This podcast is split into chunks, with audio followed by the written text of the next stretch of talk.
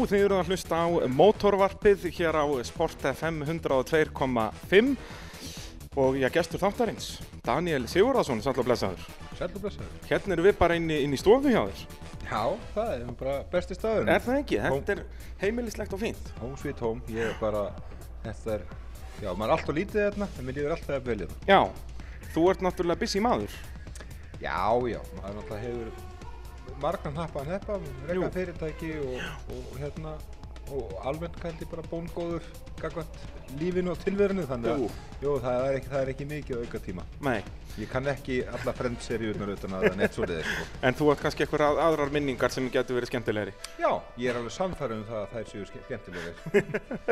Uh, Mótorvarpið hans alls við bóði AB varahluta, innvéla og bílapunktsins allt saman eðal fyrirtæki sem hafa verið að hjálpa motorsporti mikið á Íslandi og uh, já, þá bara í, í þáttinn Daniel, þú varst náttúrulega að keppa núna í Hólmavíkurallinu sem var síðustu helgi. Já. og ég bara rústa þér því. Þegar þið eru ekki að unnu þetta með uh, tveimur mínútum og 59 sekundum í, í næsta bíl. Já, þetta var svolítið stórt, sko. Já, talsvert miklu stærra heldur en heldur en, ég meina, þú veist, nokkur held ég gerði, átti vona á en eitt svoleiðis og, og ég held að af þeim röllum sem eru á Íslandsmótinu þá hefði þetta um kannski átt að vera þar alls sem að við værum sko síst í þannig. Að þegar að kemur að sem sagt sérlegunum eða hvernig þar eru karakterinn í sérlegunum en hérna en, en það kannski kemur í ljós að eitt sett af stálkúlum og, og svo eitthvað sem er vondi ekki kúlur hérna, það virkaði bara afskaplega vel og Já. þetta kom mjög vel út Og þetta eru kannski svona aðstæður sem að henda þér. Það var náttúrulega mikil þoka þarna, sérstaklega á einni leiðinni.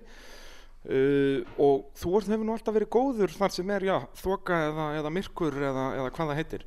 Já, ég veit ekki alveg hvaða guðskjöf það nú er sko, en, en bara frá því að ég byrjaði að keppa í akstuðsþjóðsum þá, þá hefur hún alltaf verið bara í meðalmennskunum þangall að, hérna, þangall að skigni fyrir eitthvað að raskast eða, eða, já, eða leiðarnar hérna eru nýjar eða eitthvað svoleiðis, að sér grein okkar á mín sem, sem aukumanns og nokkurn veginn sama með hvað aðstóru aukumannin það hefur verið, það hefur einmitt verið þegar að það, þú þarft að reyða þig verulega á leiðanótur og aðstóru aukumann þú veist, þrátt fyrir það sem þú segir, skikni sér lélegt eða þoka eða rigning, eitthvað svona skilur þú veist, rík eins og oft út í Bretlandi í skóunum þegar að, það var alveg þétt rík, þú veist, og En þú værir ekki kemst að ná ríkið bíl ekkert í burtu, það Nei, er bara tré, það, það er er bara engin stopp vindur. sko. og þarna eru raunar sko vel flestir bestu seljaða tímar mínar í Bretlandi sko þar sem að við vorum jafnvel að taka seljaða segra í, í BSC það er akkurat þarna þegar það var bara þykk þykkt ský yfir öllum skóinum kannski fyrsti bíl var fljótari og svo komum við sem vorum almennt kannski 77. bíl sko Já, ég mann þú sagði mér eitthvað að sögu að því eitthvað tíman þegar þú varst að keppa út í Bretlandi að það er sérst sama sérlegin kert tvisasinnum, einu sinnu um morgunin og svo einu sinnu um kvöldið þegar það eru dimmt. Já. Og þú nærð betri tíma um kvöldið Í myrkrinu. í myrkrinu Já, já. og þá var það einmitt besti tími overall eða og eitthvað svoleiðis, sko. það var ekki kvöld sko, það var bara svarta Já, bara- myrkur inn í skói og þú veist það sem að þú sást ekkert og, og það, já, það gekk bara betur heldur en í dagsbyrtunni En þú segir að þetta, já, síðan sé eitthvað guðskjöf þú skilur ekki hvernig það fengið. Hefur einhverja hugmynd um af hverju þetta er? Þú veist, hefur reynslaði eitthvað að vera að keira í erfiðum aðstæðum eða, veist, hvað er þetta? Nei, ég, veistu, ég held að þetta sé raunar eins og svo mikið annað eh, sem að ég, ég kvitta mikið þann árangur góða árangur sem að ég hef náð í ralli er náttúrulega opbóðslega mikið tröst á aðstofurökumenn og náttúrulega góður aðstöðukumenn, ég verið útbúrslega heppinn með aðstöðukumenn, ég ég byrjaði að keppa jú með marra bróður eina keppni eða tvær hérna fyrir mjög mörgum árum síðan og, og, 98 jú, eða og ekki? hann var ekki slemur aðstöðukumadur en hann var samt stóri bróður minn og hann, hann lamdi mig í því meira heldur en sem sagt að, að hann lesi mig nótur sko því að ég var alltaf að gera allt vittlust mér au- auðvitað, auðvitað. það er bara það sem stóri bróður gera Já, já, að hérna, ég, ég hef prófað þetta líka, ég látti mig þetta. Já, þannig að ég var með yfirlega með sko hérna, klestan bíl og, og bólgna hægri öxl eftir hérna eftir hvert rall sko með honum. En svo var ég að keppa með, með sunnu hérna þáverandi unnustu minni og, og við kepptum nú saman í, í nokkuð mörg ára og náðum afskaplega góðum árangri á okkar yngstu árum sko. Og hérna og einhvern veginn við byggum okkar kerfi til bara bara ekki út við höfum enga fyrirmyndi það var ekkert eins og þú færi inn á YouTube og séðu hvernig þetta er leiðanótur og, og í þá daga þá var nú sko þá var nú keppnin í Nordek flokknum sem þá er þáverandi svona nýlega flokkurinn eða Akkurat. svoleiðis. allir hérna svo, tvingamarnir já, já, hún var náttúrulega svo hörð sko að, að hérna að það náttúrulega menn, menn sko þú eru ekki að kjafta frá ríkislindamálum sko fyrir sitt litla líf sko þannig að, að, að við byggum til okkar kerfi sem ég hefur hérna haldið í mjög lítið breytri mynd síðan sko þar sem að við erum að búa til þú veist gýra, notum gýrana og ég fer strax og, og, og hérna svona svolítið starffræði kall sko og ég fór á tveir og svo ekki þrýr fjórir heldur þú tveir þriðju þrýr, þrýr fjórðu, fjórir ekki- ég ekki bý til bara- fleiri millistig. Og þetta er bara strax frá fyrstu keppnum. Já það er svo Já, leiðis sem að við komum með þetta. Og hérna sem að ég hef svo sem alveg heyrt sko bara vel, þú veist, það margir hafa pikkað þetta upp og notað þetta sín og svo framvegið sko. Og hérna og einhvern veginn skapaði mitt eigin notukerfi og mitt eigin tröst í bílnum. Mhm. og ég var svo snar ofvirkur og bilaður þá, kannski ennþá en, en, en það er öllu þroskari Jú, svona, þú verður að bein, sko. beina því betur Já, kannski svona. Ég man bara í einnig minni fyrstu keppni sem ég keppti þar var sko ísólskálin alveg gríðarlega hröðleið og svo leiðis og eitthvað alveg hrikalegt djömp á leiðinni. Og ég hafði alltaf farið að smíða leiðanótur það bara á, beint yfir hæð eða eitthvað, eða bara klippa hæra minn yfir hæð í botni eða hvernig svona ljómaði nú sko og svo kom mynd frá Gulla Brím held ég sko, þar sem að þú veist að Rúnar Jón voru í einsmettershæð og, og, og Stengriður Inga og, og Baldur Jóns og allir þessi sko Jú, jú. kappar, þú veist kannski 1 og 10 sko, svo kom ég í svona 3 og 40 á, á Toyota Twinga með sko, með einhverju gömlu ríksugjátni sem var notað sem veltibúr sko, og í sko orginal stólum, ég gæti hallað aftur sætinu sko, Já, frábært. já, þetta voru og, í, öryggisföðunar og þú í suðugallanum þínum kannski Ég er rafsuðugalan Já, með dynjanda akkurat, sko, akkurat. takk, takk fyrir sponsorinn Steindor hittin hérna, en hérna en já, rafsuðugalanum og hérna og, og, og ég man alltaf eftir því, bara minn fyrstu kynni af Jóni Ragnarsinni þeim mikla öðling og herramanni. Bara guðfæðir allsins já, já, var bara öskrandi reyði ræ, lestur frá manninum út af þessari ljósmynd sem hann hafði séð. Já, og hann alltaf bara hann kvittaði mig bara út eins og ég væri bara, búin að- væri bara svona 15 ára strákur sem hefði fengið Yamaha R1 mótuhjól, þú veist og, og það var enga bremsur í því. Þú veist, ég var bara svo gott sem dauður og, og það versta við að ég myndi taka unnustu mína með mér í, já, já í, kistuna sko. þetta var bara svo Já, leiðis ef ég ætlaði að haga mig svona Já. undir stýri sko. og hérna það var og segi, ég svona hvað er þessi gamli kalla Ibba Gogg skilur inn í mér? En, en þú veist, það var kurtis og sagði, mm, já, mm, Mm, mm, einmitt, þú veist, einmitt, ferði ekkert eipa gogg við guðfæðirinn Nei, nei, nei, nei hérna, og, og, og, hérna, og þetta er svona eina af mér fyrstu minningum við bara þegar hann var að, hann var að þú veist, hvort þetta var bara hérna vorral eða eitthvað Já, eitthvað fyrsta svona geti verið 99 sko, eitthvað IFS er alhanna já, sko. Já, og hann var bara reyður Já, já, bara þú veist, hann var bara bókstaflega reyður bara hvernig við dytti þetta í hug? Ef við förum þá núna, fyrst við nú byrjaðum að tala um 99 og 98 og þessi, þessi fyrstu ár Ef við bara rekjum aðeins ferilinn hjá þér. Af hverju byrjar í rally?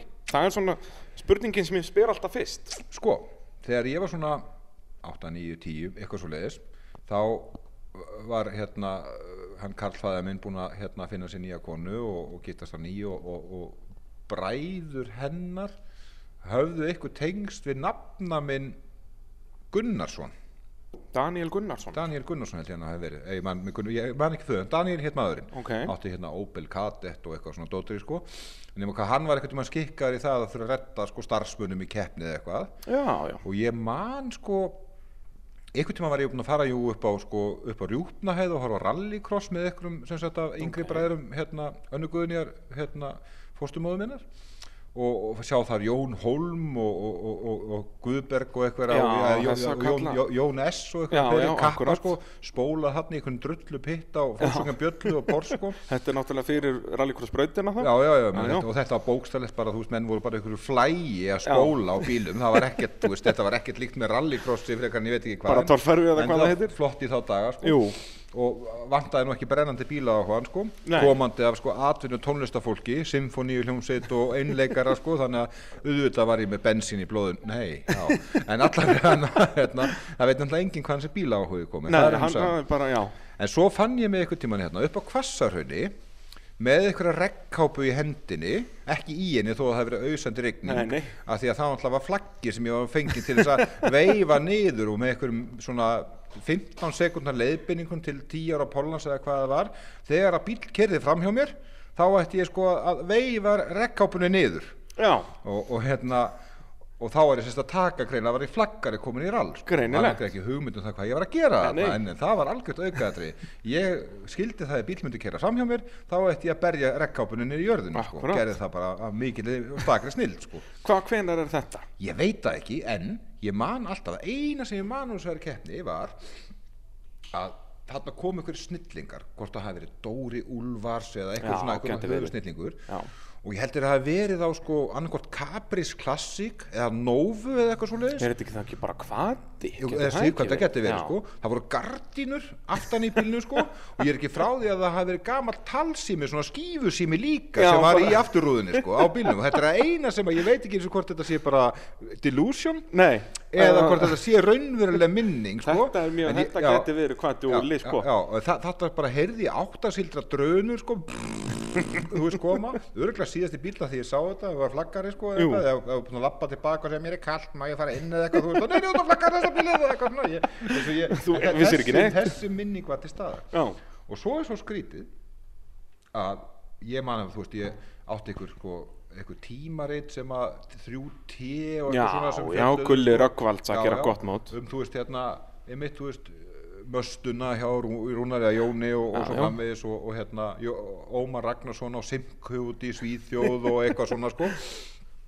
Og ég var alltaf alveg bara staðræður því að hérna ég ætla að vera svona þegar ég er stór sko. Já, og. Stengurinn Ingason, þetta nafn sko var náttúrulega bara eitthvað svona góðsögn ég aldrei hitt mannin og aldrei séð hann kera á sellið. Nei. en ég var búin að sjá myndir þar í sko tímaritinu að einhverjum Nissan skilur og eitthvað og svo þú veist myndir af einhverju sem var Nissan einu sinni en var núna dreifðir í bílavarhlutir um svona 80 ferkilometra á lengdarseiðinu eða eitthvað svo leiðis eftir að hann að krassa skilur búin að hérna spera sem að treppa á hraunið Já, já, þú veist, Jú, jú. Og, og fyrir mér voru þetta, þú veist, Vítek Bodanski og eitthvað svona, svona stóð nöfn, skilur, og ég, þú veist, Þannig að ég, svona þessi alvöru rally áhugi byrjar í gegnum bara, já, núrinni tímaritt og svona já, þann bara pakka. eitthvað svona, þú Það þannig er þetta kannski ekkert alveg komið í sjónvarp. nei, Já, kannski svona á þessum tíma sem þetta er að byrja í sjónvarp. eitthvað. Já, það er svo Ég leiðis. ég, ég kem af frekar efnalitli fjölskyldu Já. og annaði þeim dúr og, og þetta bara, þú veist, glemdu því. Og kannski var það einhvern veginn svona, það sem að dreif mann áfram að, þú veist, jú, við vorum alltaf eignuð skellinöru við bræður og, og vorum að skrúa og fórum í sveit og traktora Já, já, og, og svona all- tækjadellan. allir skransarnir skilur og eitthvað svona. Og vorum alltaf allavega ég og selina báðir alveg hel ofverkir og, og þú veist, endurst ekkert í skóla og, þú veist, heitir vandrað unglingar vendilega í dag, sko, hefum vendilega verið sprautaði niður og settir í spennitrey en við vorum, þú veist, eittum orkunni bara í það skrúu ykkur að vélar eða, eða eitthvað að gera, sko svo fyrir maður að vinna líka og, og, og einhvern veginn var ég komin í svona hálgjört fjölskyldu föðuslutverk með minni fyrstu svona alveg unnustu með ösp, afskaplega góð stúlka. Já. og hún, hún hérna móðurinn var einstæð og þrjú börn og eitthvað svona og maður eitthvað svona að vinna fyrir og gera og græja sko og sem var bara skemmtilegt. Nema hvað hérna ég blunda alltaf þetta á, rally og eitthvað. Og Marri bróði var þú veist þá veginn líka farin að smíði ykkur að lötu 1200 með Já, já, og, já, já, og eitthvað já. að gera og græja upp á rallycrossbraut og Já, eitthvað alveg sko. rétt, já, já. þannig byrjar þetta svona að fullu þegar að hann kemur þetta er hvað 95-6 já, eitthvað já, já, cirka bát sko Þá er hann Mósesbæ sko, Akkúrat. hérna, hann var búinn að vera að gera hérna ofur lötuna Jú, sína jú. eitthvað að þetta, þetta var svona í kringum hann en þú veist, ég átti aldrei pening og Já, já. alltaf að vinna og, og lalalala sko en eitthvað svo lendi ég í því að hérna, ég slasaði mér alveg heftalega í slísi því ég er rétt að vera tvítugur. Já, þar sem að brotna svalahandri á svölum á einhverju svölum sem ég er að vinna og ég er hinn niður einhverja þrjár hæðir og bara ég braut ekki á mér hausinn og, og þú en svona rest- mest, já, mest allt já, annað. og eitt í næstu 11 og halva mánuði einskriður á spítar og hef nú verið mikið úti líka en, en þú veist það er bara millið aðgerða og blí og bla sko. Já, mjög indislegt sko. Og svo kem ég hérna út sko og ég sagði það oft sko að því að ég, þú veist, beinbrotin og, og, og þetta var kannski ekki það erfiðasta en, en, en ég farð, fann það alveg sko að ég hef brotið svona eitt bein í viðbúti eða þú veist eina aðgerði viðbúti þá hefði ég sennilega bara viljað deyja. Já, þetta var bara spítalavistinn og ég var félagsvera og annað í þeim dúr sko Akkúrat, og, og hérna þú veist ég átti sæta kærustu og ég gæti ekki sint henni að því ég var aumingi, ég hafði alltaf verið duglegur og við vorum alltaf verið blöng og ég þurfti að þú veist að fara að huga hverju krónu Já, það var bara anstæðan við það sem þú ert já, já, ofan í það að hún var að djamma og drekka eða eitthvað skilur og blí blí blí skilur og ég var leiðinlegur Já. sem er ekkert skemmtilegt að finna sjálfan sig ég er bara leiðinlegur sko Já, þegar þú bara, já, Já, akkurat. veist, ég bara gifsi heima og bakspelku og, og hérna blankur Já, og eitthvað og svo hérna allt í lagi, ég jafnaði mig til slísið eða svo leiði sko og hérna og hún fór nú ekki frá mér þá hérna, ekki ennþá Ekki ennþá. sko hérna, en, en svo hérna svo umlað kemur það tengingin við rallið sko. Jú, þess vegna er þetta pönslæni sko. Afsaka hvað tekur langa ég tíma ætla sko. til þessi podcast Já, það er hérna og svo ringir einhvern tíman í hann hérna lögmaður minn hérna Halldór Birgisson góður, góður vinnu minn og segir mér já eitthvað slísið og eitthvað svona sko að eitthvað á tryggingarnar já og eitthvað erfitt en hann hafi nú náð sko alltaf að kreista eitthvað inn á greiðslu inn á því ég opna að vera tekjulegs í ár sko, með þú veist 19.000 krónur á mánuði eða eitthvað þú veist þess að halda öllu gangandi sko. Og hérna og þá var sko var ég að fletta sko DFF og sá auðlýsingu rallybíl til sölu. Toyota Celica Supra verð 400.000 eða eitthvað. Já. já, með 500 úr skallin á reikningum kallið minn herðu, Þannig að það, þetta var ekki lengi gert, ég upp í Breitholt hitti það mikla öðling Haldur Úlason akkurat. sem ég ætla að vissi ekkert hver var. Nei, nei, og hann náttúrulega var ekki lengi að fullu sem um það að þetta veri bestu, bestu kaupin í bransanum þann daginn sko. Og ég afar stoltur já, keiri í burtu og tóiðu sér líka súprum heim til mín og, og þar kem ég valsa ég upp hérna tröppurnar og hróður og opna og segi Ásti mín, sérðu hvað ég var að kaupa og hún elsku ösp kemur út og vandlætingar og viðbjóðsvipurinn sem að koma blessunina var með því líkum eindæmi sko.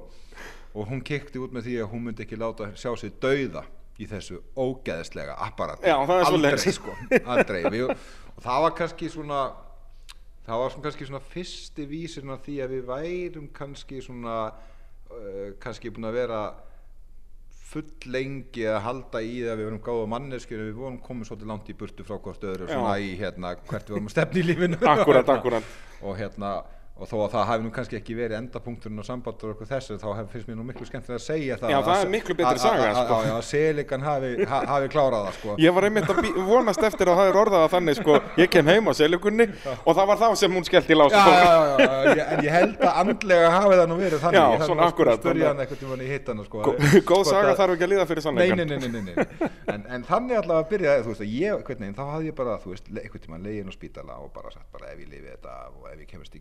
legin á og og og eitthvað, þú veist, og ég, þú veist, ég, var á hann svo geðsturlarinn á spítala, ég þess að einu sinni fann, funduðum út á bílaplani þar sem ég ætlaði sérst að, að bara fara á spítalan, sko, og ég komst út á bara þarna í niður, sko, já, þú veist, ég, þetta var bara, þú veist, andlega hliðin á spítalavist er bara ógeðslega erfið. Er ógeðslega erfið fyrir félagsveru og annað þú veist og ég var þú veist ég var þekktur á spítalunum því að ég var bara svo húsgagna þarna inn á þú veist og ég var, ég var geimdur oft inn á kvennadeild og það ég var verið svo lengi skilur og ég var bara orðin bara einn af þú veist one of the crew Já, það er svo og, leis. já, já. og hérna og allir þekktum alla hjúkuðu þú veist og því ég var alltaf bara ofvirku líka Já, já. ég opbúrslega slasaður Akkúrat. en ég var bara allstar og ég svaf ekkert þú veist að ég var ofvirkur og það var bara í reik allar nætur og þú veist og, og, og, og eitthvað og þetta var rosa erfitt og, og bara ákvæði það bara, ef ég kennst í gegnum þetta þá ætla ég að draumanu að rætast Akkurat. Og, og, og ég stóð við það Ah, og, og, ég, og ég bara kefti mér allir bíl Og, og mætir þarna 98 Já. og svona mest, 1998. mesta sem ég man af þessu er, eru klippu frá, frá mistara Bygga Braga Já. af því að það strau út í hjón út í, út í raun Já, yfir hann næstum því það fyrstu sko, reynd- hársbreidd. Hársbreidd frá, frá hérna, Íslands einu voni í sjónvarsbransanum Akkúrat. Það var, sést bara glókollinu Birgir Braga svona harða sprett eftir Reykjanesinu og vel á þreyða hundraðinu Jú. og eitthvað gömul súpra og eftir honum algjörlega að stjórnlega koma sko, og Birgir þarna búin að vera að fylgjast með rallið sko frá 1978 eða eitthvað vissi alveg sko ef hann stendur hérna það er ekki sens að bílnum komast að mér Nei. en Danni að sjálfsögðu þurfti að að- að að að svo allir ekki hinnir á djömpinu og ná ekki beginni sko. Og þetta, já, þetta var fyrsta rallið og við náðum að klára það við bræðum, Marri hérna, hugaður að koma með mér. Læ, veist, svolítið síktur af rallybakteríu líka en, Jú, jú. en átti ekki peningin og ég var búinn að retta því hérna, neittist til að fara í farþegarsætti algjörlega alveg sko tilneittur sko og hérna, og svo hérna, næsta keppni er á Hólmavík sko. Og það var nú með algjör sena sko, við mætum þangað og alltaf uppfullra því að við værum alveg svakalega fljótur. Og reynslunni ríkar eftir fyrsta rally Jú. nú, nú var skólinn búinn og, og bara, nú bara, nú áttum við bara að sigra þetta. Ég sem sagt sko Akkúrat, og hann alltaf akkúrat. ennþá að berja mjög öxlina eins og mesta mátti að reyna að róa mig sko. Og við förum að hólfa mig og, og á, á þú veist sjælinu með tvö eða eitthvað álíka gáði þá náum við Helga Óskarsinni Já, á akkúrat. Möstu sem var að keppa þarna og eitthvað og, og þá æstust nú leika mikið sko og eitthvað og, og sprengdu nú dekk þannig að við náðum nú ekki að taka framúrunum við maður rétt sko og svo skuldi nú vaða upp á tröllungu heiði en þá þurfti var sko ég man ekki hvort við voru hreinlega komnir á sko orgina dempar út af því að ég sprengdi ég man það ekki allavega Það var eitthvað búið að taka að klára allavega. og bara gekk rosa vel og hvort við voru búin að taka fram úr bíl og öðrum og eitthvað allavega að kera allt og rætt sko Jú, jú. og allt það og, og svo kemur við einhver raða hægri beigju og þá segir maður já það passaðu steininum hann og, og ég svara já ég sé hann. Og ég bara þetta er svo þetta jólatriðan sigga bara sem ég er búin að minna svo oft á sko. Þegar þú, sérði eitthvað, þá miðar að það. Ég bara, ég bara kerði svona smell beint á hana stein með hægra framhjóli sko. Að það var ekki nóg með það sko að, að, að hjóli færi undan heldur fór sko hjólið með spyrnu strött og öllu saman út um frambrettið og lengst Já, upp í já, loft bara- sko. Og að það var ekkert eftir í þessari hjólskáp. Nei, nei, svo, svo bara lendi þetta og bíllinn bara á pönnuna og við kláruðum selliðina Já, já, já, en það, þú veist, dembarinn var hann var hann í sko. öðru, sve, öðru sveitafélagi og þá var ég náttúrulega, þú veist, hérna náttúrulega búin að sanna það sem að Marja var alltaf að segja, ég var náttúrulega algjörlega handundur ökumaður nema hvað við og, og þeir, ég er miður hérna, fekk mikið við hérna var maður svo mikið að reyna að sækja sér í sko þekkingu annara Já. Stengrim Ingarsson upp með fjöðrun og eitthvað Akkúrat, og, akkúrat. og með fullri virðingu fyrir Stengrimi og, og, og, og þú veist sko þá náttúrulega þá var þetta náttúrulega bara bölva drasl ofta tíðum sem að ykkur Já, 40 mm 40 bílsteindótið sko og það náttúrulega að skýra það út fyrir einhvern tvítugum hérna, ofverkum manni að þú veist 40 mm bílstein í, í 1600 kg seliku sé sennilega seint að fara að ganga upp skiluru þá sá náttúrulega 22 ára ofverku barni bara rally fjöður er ekkert annað skiluru og áttu náttúrulega að þóla allt Já, já, já. sem það gerði náttúrulega alls ekki sko. Nei. en hérna en, en svo vorum við líka að kom ykkur og sagði mér það var alveg ómögulegt að vera með svona seliku og, vera með vökvastýri sko. það væri sko Já. það, og þá kom náttúrulega skyndilega útskýringin á því að við vorum ekki búin að vinna neitt rall sko, Já, það var út af það vökvastýri. já, það var vökvastýri sko. og, og hérna hann að ég átti einhverja smá auðra eftir að slisa penningunum mínu. Jú, og ég man ég fekk sko Einar Ólafsson púst sérfræðing til að smíða flækjur í bílinn sko það að það var náttúrulega akkurat vandamálið að það var ekki nú orku í já, sexíldra já, línunni sko. akkurat, þú varst að fara svo hægt út já, af. Já, já, já, og hérna og, og, og, og við keiftum sko eitthvað tannstangastýri sem var mælt með sko endur að bara góðu manni og allt það en, en hérna, við höfum bara ekki meiri vélavit en svo að við gerum okkur grein fyrir því að þetta var klálega sko stýri sem var ætlað í fyrir framan uh, hjól sem sagt með tógálægi Já. en ekki fyrir aftan eins og í selikunni Akkurat, og það er náttúrulega eftir á, það er svo gott að vera vitur eftir á sko. Segðu. Við vöðum svo á, í skagaferrallið og hérna og upp mælivestalinn í 400 steg að hitta og á t-shirt að töða ég opna neppa niður afsöðugallan hérna, í bílnu sko. að það var svo því það var svo heitt Já, já, sko.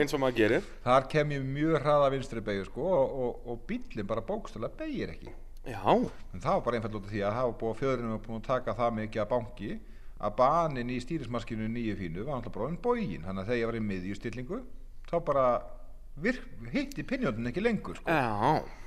Og, hérna, og þarna sem sagt endaði þessi selika þetta bott í lífdaga sína á mjög stórri gamalli tröllskessu sem hafði einhvern tímann látið sóluna bræða sig. Endagstags þar og, og, og, og eina sem ég heyrði voru sko bíllinn á útlætt þar sem ég stóð hann það í botni. Bróði minn í ljósum lofum þar sem að oljuþristimælirinn var inn í bíl með sko smurolíuna þar sko. Og hérna og hann að öskra hefi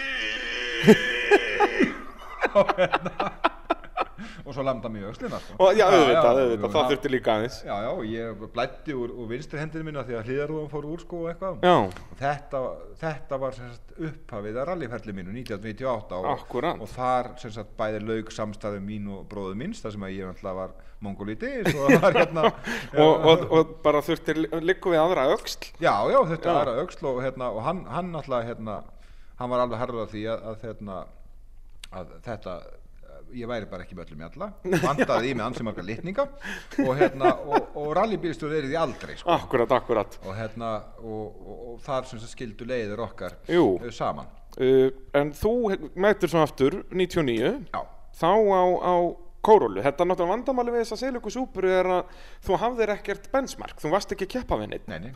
Það er, en, en hugsaður þá þarna veturinn að þessi, Nordec-flokkur er ábygglega snild Já, ég ætla bara að byrja að vinna aftur þarna eftir slísið og, og farin að þjána aftur og, og, og hérna og, og össblessunin farin frá mér og, og, það, það þyknaði nú líka í pinginu aðeins við það, nei hérna, hérna, og þarna var búin að kynna skóðri stúlku líka og, og hérna og, og, Sunnöfu Lind sem við þekkjum nú ennþá Já, já. ennþá við, við í rallinu og hefur haft sterkar taugar í ralli alla kvöldu síðan sko. Og hérna og það var búið að vera eitthvað svolítið vesen og svolítið svona djamma á okkur og eitthvað hérna vetur og, og, og, og þetta blundaði mér, mér, mér líkaði ekki kannski sukklífernið og hefur Nei. alltaf líkað eitt vola mikið Nei, nei. við það sko og, en, en, en svona þarna voru að tógast á svona ákveðin og ég hugsaði mig ok, ég var skótinn þess að stelpu og hvernig við getum kannski gert eitthvað saman á þess að það væri alltaf þú veist ákveðið og stöng eða glömbar sko. akkurat, akkurat Þannig að, að rétt bara fyrir vorral þá einmitt sé ég DFF auðlýsingu sko, og, og, Það- og þar Guð var blessi DFF. Guð Guð blessi smá auðlýsinga DFF sko, og þar var Hjörlefun okkur Hilmarsson afskapla mætur maður að auðlýsa bíl sem hann hafði keft á sumarið áður. Út af hann var svo upptekinn að smíða bíl sem að þú keppir síðan á setna Já, akkurat og einu eða tveimur árum setna Já, og hérna og það var sko, sko 300.000 kall sko. Hann að ég fer upp á Vassendabletta sem hann bjó sko og aftur endur taka sagan sír sko ég kem heim með rallybíl og segi hérna, sérðu? elskan hvað ég er með? En þá voru aðeins öðru þessi viðbröð Já, Sunna tók rosa vel í þetta og vissi náttúrulega ekkert sko, eða niður að þessu og, og, og var náttúrulega bara bara að fyndi stelpa sko og, og ég bara fóð með hana og kendi henni hérna bara, þú veist, á kvassarhaunni sko, hvernig Já, þetta hvernig virkaði og þetta og og einhvern veginn áður við að slesa til þess bara í fyrstu keppni að vinna kongana í Norðurflóknum Akkúrat. Pétur Smárasson Jónis Gunnarsson og, og einhver fleiri er, er, er, er Jón Bjarni að keppa þarna? Nei, var hann að keppa 98? ég, Ég man þetta ekki. En nei, en allavega, þið vinnið þennan flokk. já, við vinnum fyrstu keppnina þarna í þessum flokk sko og hérna og, og, og þá einhvern veginn var bakterían komin sko í hana líka Akkurat og við eittum þessu sumri og mjög skemmtilegt að mestu leiti skilur að, að þú veist mikið bara eins og upp á mælivestæla sofi í einhverjum gömlum beigluðum súpar og leiða skoða og, og svo framvegð svo framvegð Ævintýra mennskan. Já, já. og náðum einhvern veginn gegnum súrt og sætt sko, það var nú ansi súra stundir líka sem fylgdu þessu svo þegar að kannski aðala þegar að tóguðust á íþrótta áhuga mál og, og, og, og svo kannski ekki beint íþróttalegt áhuga mál sem að hétt sök sko. að hérna að náðum við einhvern veginn að landa þessu Nordec-tilli og, og hérna og, og alltaf gekk sko samstarfið í bílnum rosa vel Akkurat, akkurat það var alveg sko ekkert vesen. Við skulum fá að heyra eins betur frá þessu samstarfi hérna eftir örstu klíða hérna í mótorvarpinu. Jú, þeir eru að hlusta á mótorvarpið, allt saman í bóði AB var að hluta eðinvéla og bílapunktsins. Hér að ræða við Daniel Sigurðarsson. Daniel, eh, þau Sunneva verðið meistarar þarna 1999 í þessum Nordec-flokki. Er það það árið sem að þið lendið í þessum svaka krassið þarna á Reykjanesi? Er það 2000? Nei, það er 99 sko. Það er við- 99. Við treyðum okkur titilinn í alþjóðarallinu Já, og þetta er og haustralið. þetta er haustralli, þannig að við fórum eiginlega bara upp á grín og eitthvað svo leiði sko. Og, og hérna, og þá gerist það sem allir voru búin að spá, allt frá því að Jón Ragnarsson sá mig þarna, var búinn að lesa þér pistilinn. Að ég flög og langt á einhverju hæð sko. Já, svona fyrir þá sem hafa ekki séð þetta, hafa nú flest allir sem áhuga að hafa á ralli hafa séð klippa af þessu. sem í heiminum, já. já, þar sem að, okkar maður Birgir Þó Bragason var á þessari hæð. Og þú er unni ferð út af bara aðnast ekkur aðeins langt og, og ferð út í kant. Já. Uh, nema hvað að, að næsti bíl á eftir eða þriði bíl eða hver það sem var á eftir uh, Halldór Björnsson. Hann gerir slíkt þið sama. Og og öllu fastar og lengra öllu fastar og lengra. Hann hefði sennilega endað eitthvað góða 50 metra út í raunnið en það var ein uh, kóróla hann fyrir honum. Og útskýraðins fyrir okkur já, þetta moment. Þetta var í alls vaðalegt þetta er ástæðan fyrir því að ég á heimsmet, ríkjandi heimsmet í 20 metra skíturhlaupi já, í, í, í, í raunni Já, í rauninni sko. Ég, ég bara, þetta er segja þetta er eina skiptið á æfi minni sem ég held ég bara fengið tauga áfall já, er það ekki, ég, eh, það var í einhverju fréttaeinslega einhver staðar að þú hefði fengið Já, ég bara, eins og segi þetta, að horfa þetta mynd eftir á þú veist, þá var alltaf hérna þú veist, var þetta kannski ekkert svo tæft og bla bla bla bla Jú, þetta var nú samt hér- helvíti já, tæpt, já, sko. Já, þú veist ég er komin alveg þrjú svona 5 metra skref í einu frá bílnum þegar að hann lendir á. Já, en, en, en sko upplifinu mín þarna í mómentinu var bara, ég bara bókstaflega drullaði í mig Já, þú veist, bara, þú veist, fimm minnum eftir þetta, þá skalf ég bara svo hrísla, já. og sögum með þumalinn. Þetta var alveg djöfulli fast krass, skilur, og ég, Já, þetta er bara, maður sjá þetta, þetta er bara eins og einhver Bruce Willis bíómynd, Já, veist, þetta er bara, sko. út af því að náttúrulega Dóri bombar það hart á bílinn að hann sko ekki bara rúlar honum, hann stekkur upp bílinn, skilur, Já. hann tekur halvan ring í loftinu Já, og þú hlaupand undan, bara það vantaði bara olíublautan hérna hlýraból og, og, og, ska, og skalla, sko. nákvæmlega, þetta var svona Chuck Norris moment, Mhm. sko, og hérna, og já, ég, ég segi, ég bara, ég veit ekki hvað það var þessi valda, ég var að stinga hausnum inn í bílinn. Já, þannig er sko Sunneva er hérna að setja upp þrýðningu, hún er, hún er á að hæðinni, já, og, og Birgir líka. Og þau eru með- baða öll- öllum ungum og meðmennum að hægja á sér. Ef þú Og- ert eitthvað að vasast inn í bíl, bara skila hjálmum Já, það var eitthvað já. sko, þú veist bara að slátt hugur og að því að það var eitthvað grill í gangi eða eitthvað, ég man ekki hvað, veist, það, það er allt farið, sko. Já, já, En, en, en þetta bara var bara svaðalegt krass. Já. Og ég var þarna rétt á milli, eða þú veist, við það að vera á milli og hérna, og þetta var í höstrali, sko, en það var ekki þess að minka áhugan, sko. En, en hérna, maður bara hreinsaði brækurnar og lét sendi gallan í hreinsun og hérna, og svo bara þurfti að taka til við að halda áfram, sko. Og, og hvað, er, er það Honda næst? Já. Já. Já, er það strax árið 2000? Er það ekki 2001? Ég man þetta ekki. Nei, sko, ég fór hérna út með eitthvað stóra drauma og langaði til þess að kaupa, þú veist, verða st- einn af stóra köllunum og kaupa fjórfjöldris bíl strax þá og eitthvað svona. Já, ok. Hvernig Og- var þess að tugar ástandi á þér þarna? Þannig ertu, hvað ertu gammal árið 2000? 24. 24. Langaður að vera heimsmeistari þarna eða? Já, ég, eða, þú veist, ég, ja, ekkert heimsmeistari, ég hef kannski ekkert komin eins og að fylgja sérstaklega með það, með, en, en, En veist, einhvern- veginn þá, bara- þá, þá, þá var ég bara eins og bara ennþá með þetta vissjón á spítalanum hérna fjórum árum fyrir, sko, Já, að ég ætlaði að elda draumana mína. ok. og, og hérna og, og ég fór þú veist og bara og bjóð til bara mjög metnaföld plan og fór út og skoðaði bíl í Svíþjóð og var ekki þú veist að, að Já, hérna reyna, ok. reyna sko að vera eitthvað tæmvesti fyrir þann sem var að selja sko og kostaði 5-6 miljónir á þeim tíma sko Hvernig bíl var það? ST185 Celica frá Já. bara TT bíl sko Bara í rauninni eh, sama kram og var síðan setna í kórólunni er það ekki? Var ekki? Já, með þess að einu nær Já, þeir- einu nýrra, já, akkúrat. Þeir voru 165 kram Já, sko akkurat. og með þá, svo fór ég með til, til Hjartar P. Jónssona sko, og, og, lagði á borð fyrir hann sko, mína hugrenningar og eitthvað svona og, og hann, þú veist, öruglega blanda velvild og náttúrulega kannski vildi ekki.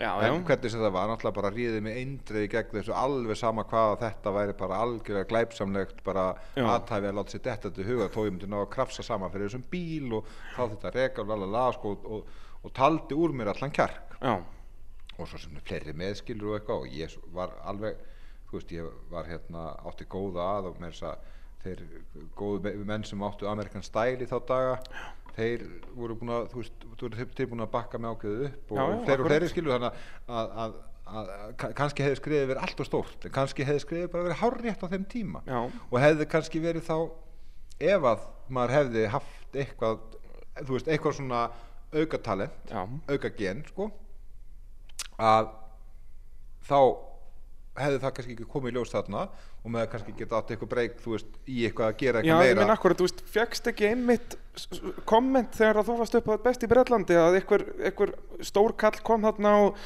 bara þú væri tíu ára mingri þannig minn. já, það var bara þannig Þú sko. veist, og þarna, þarna erum við að tala um þessi tíu ár sem vandaði, Já, já, já. meira, 15 ár. Já, já. Ef það hefði byrjað á turbóbíl, þú byrjar á turbóbíl í 2006 hérna, þarna erum við að tala um að þú byrjar á hann um 2000 Já. Og þá hafður kannski geta verið að fara út í Bretland 2002, 3, 4 Já. þá endar að fara til Bretlands bara 2000 og hvað? Sex. nei, sjö, sjö, Sjö. höst 2007 Í rauninni, byrjar að viti 2008 þannig að, að, já, þarna erum við að fara langleiðina með þessi tíu ár sem vandaði upp á já, já, og alveg rétt og ég meina, þú veist, auðvitað var maður ungur og vitlaus og, og allt það en svo sá maður til dæmis Baldur Jónsson, Akkúrat. Rúnars koma, þú veist, og raunar honum var bara stungið inn í svona hérna, legacy skilja því að hann var til og bara, er það, drengur, nú keirir þú bara hann að bíl og steinheldur kjátti og hann bara, heyrðu, hérna Ok. Arnar, eh, frendi, hérna kannt þú ekki að lesa? Jú, jú, ég les nú fyrir börnum mín. Já, fínt, þú ert að lesa leiðandum með mér á morgun og Komdu hérna já, komdu hérna. Eða hvernig sem að sagan var, skilju já. og, minna, og hann bara stóð sig alveg frábærlega með þetta í genunum og allt það, sko og, og, og fekk þetta tækifæri fekk þetta tækifæri og stóð undir því og ég meina mér fannst alltaf algjör unun að horfa á Baldur Jónsson Já, já. Rúnar, þú veist, var fljótur, flottur þú veist, nýtt og perfectionismi, alveg, þú veist, sko, já, já. En, en að horfa á Baldur maður, oh my god sko.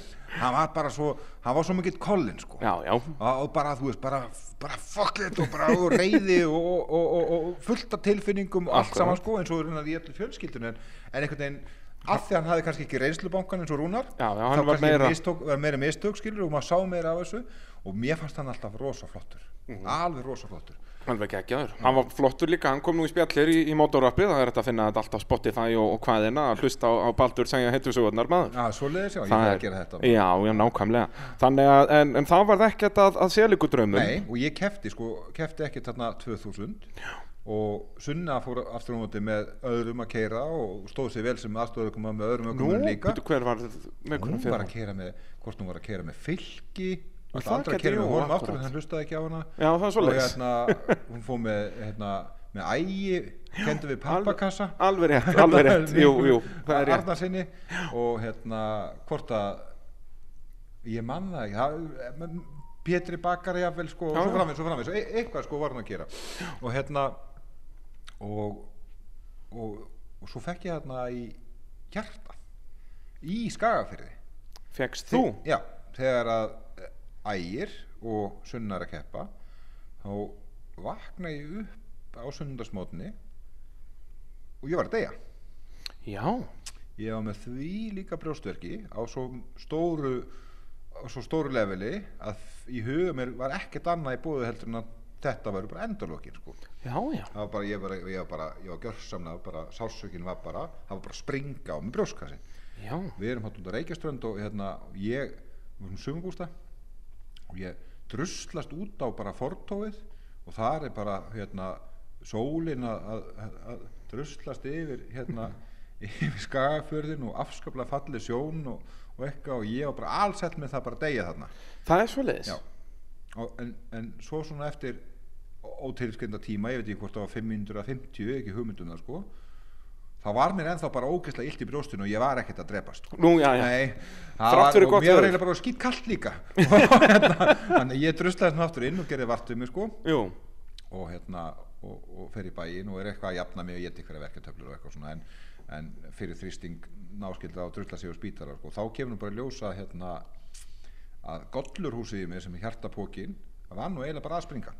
Já, það var svo mikið að bólgum í, í, í hjartapókunum og, og það er bara ég er bara, bara spítaramatur aftur, mættur, home sweet home. indislegt, já, já, þekkti nöfnin á öllum aðna og frétta. já, bara, og, og hérna og, og þá var þetta eitthvað vírusíking sem hafði eitthvað komið upp í Finnlandi og eitthvað hefur látið lífi þar og, og, Já, já. og settist á bara ótrúlega fólk og eitthvað. Og ég var bara sjúklingur aftur mátti ekki reyfa mig, mátti ekki púlsa gati ekki púlsa, gati ekki lappa upp stiga og guðus hvað Indislegt fyrir ofirka mannin. já, já, og þessi blessaða vírusíking hún endar eld mig alla kvöldur síðan en sem betur fyrir þá hefur hún með með tíu tíma farið sko köstin fara minkandi Já, sem betur fyrr en það vist koma ör á hjartað og eitthvað út af þessu en, en ég, er með, stort og gott hjarta og ég ætla bara ég, ég, ég, ég, ég, ég flagga þess ekki almennt en þetta kom svona óvartum en þetta var þess allir valdandi að ég var kannski ekki mikill uh, mikið að fara að keppa þarna. Nei, ekki aðna 2000. Nei, og, og, og sko 2001 þá fórum við eitthvað að keppa? Já, þá ég eruð þið komin á sko. Já, fórum eitthvað að keppa en það var nú svona Eitthvað lítið. hál- hálf kletti ég mann rétt sko svo takið þið full season hann 2002. Já, ég held að það verið 2002 sem við fórum hérna og, og tókum þetta Indris hérna með og þá var ég búin að fara til Þískalands og kaupa mér eitthvað almennilega girkassa Já, alveg að það komið dogbox þarna ég, og- ég ætla að kefti bílinn sko með það fyrir augum að ég var að kaupa bílinn sem sko Stengurinn Ingarsson var að keira hérna þennan sama bíl sko þe- þetta árið sem ég kefti 98 99 Akkurat, sko. akkurat. en ég komst að því þegar ég hann að, að hérna að það var eiginlega bara búið að taka allt rallybíla úr honum og setja allt fólksbíla í hann í staðinn sko. Og það var eitthvað blanda af einhverju sem voru eigan í millitíðinni og stengri minga tölvan úr honum fína, hún var upp í hillu þarna og girkasinn, hann var í einhverju öðrum bíl Það var alltaf hann framvegis. ekkert í bílnum. Nei, það var, eiginlega bara hundleiðilegur hérna, drullubíl skilur þess að ég kefti hann sko. En þannig ég var svona að fara hálfa leiði þegar breytum hann aftur í rallybíl.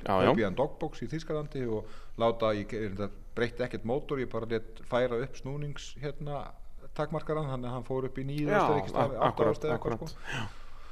og svo mættu við og þetta, þetta nú er þetta bara rallybíl Já, já. minn almáttu alla mína daga djöfull var þessi Honda mikil rallybíl bara öskrandi hávaði Já, bara líka, er ekki svona sko. skemmtilegur akstusbíl líka? Jú, jú, þú veist, og ef þú hefði bundið fyrir augun á einhverjum farþega, stungið honum hann inn og ég hef brunað hérna einhverja Jep. 5 km leið og svo hef ég bara stoppað og sagt, jæja, nú skal þú segja mér, er ég framdreifsbíl, afturdreifsbíl eða fjórudreifsbíl? Og ég get svarað fyrir þér, engin, ekki vönustu rallarar hefðu nokkuð tíma svarað framdreifsbíl til að byrja með. Ísa Guðjónsson eh, sagði nákvæmlega þessa sögu út að hann fer með stengri með þessum bíl eina keppni held í 98 Já, það var svoleiðis, já. og hann sagði þetta nákvæmlega svona það er, ef, ef ég hafði ekki vita hvernig bíl þetta var ég myndi ekki geta sagt þér hvort þetta var afturdreifs framdreifs eða fjórhaldurs bíl Nei, nei, þetta er var bara- alveg rugg, sko, sko, afturhjólinn er alveg aftast, já, framhjólinn alveg fremst sko. Og, hann er á, á, á klafafjörun sko. Og hérna og, og þú kerðir hann með afturendan eins og afturdrifsbíl já, já, algjörlega, þú beittir honum þannig. Já, þú bara varst að fara inn í beigju og það er svo mikið sem hugsaði máli að fara að slá af inn í beigju þá varstu bara að vefja klett. Já, já, þannig að þú varðst bara að standa þetta algjörlega grendi botni afturendin fór 20-30 gráður og svo var hann bara þar. Já, og bara þú bara og ég, eins og segi ég, svona, úst, ég var kannski ekki nú ofmettast mikið hérna 98-99 en ég man alltaf þegar ég vann fyrstu mínu overall. Já, er Á það á móti. þessari hondu? á þessari hondu. Að, þú veist það sem allir þú veist Siggi Bræja og Metro Já, og já. Baldur og Rúnar og, og, og Hjöllever þú veist það voru allir kongarnir. Og svo kom Danni á okkur hondu þú veist 1600 kubika standardmótor Já. 160 SAE hestöfl sko.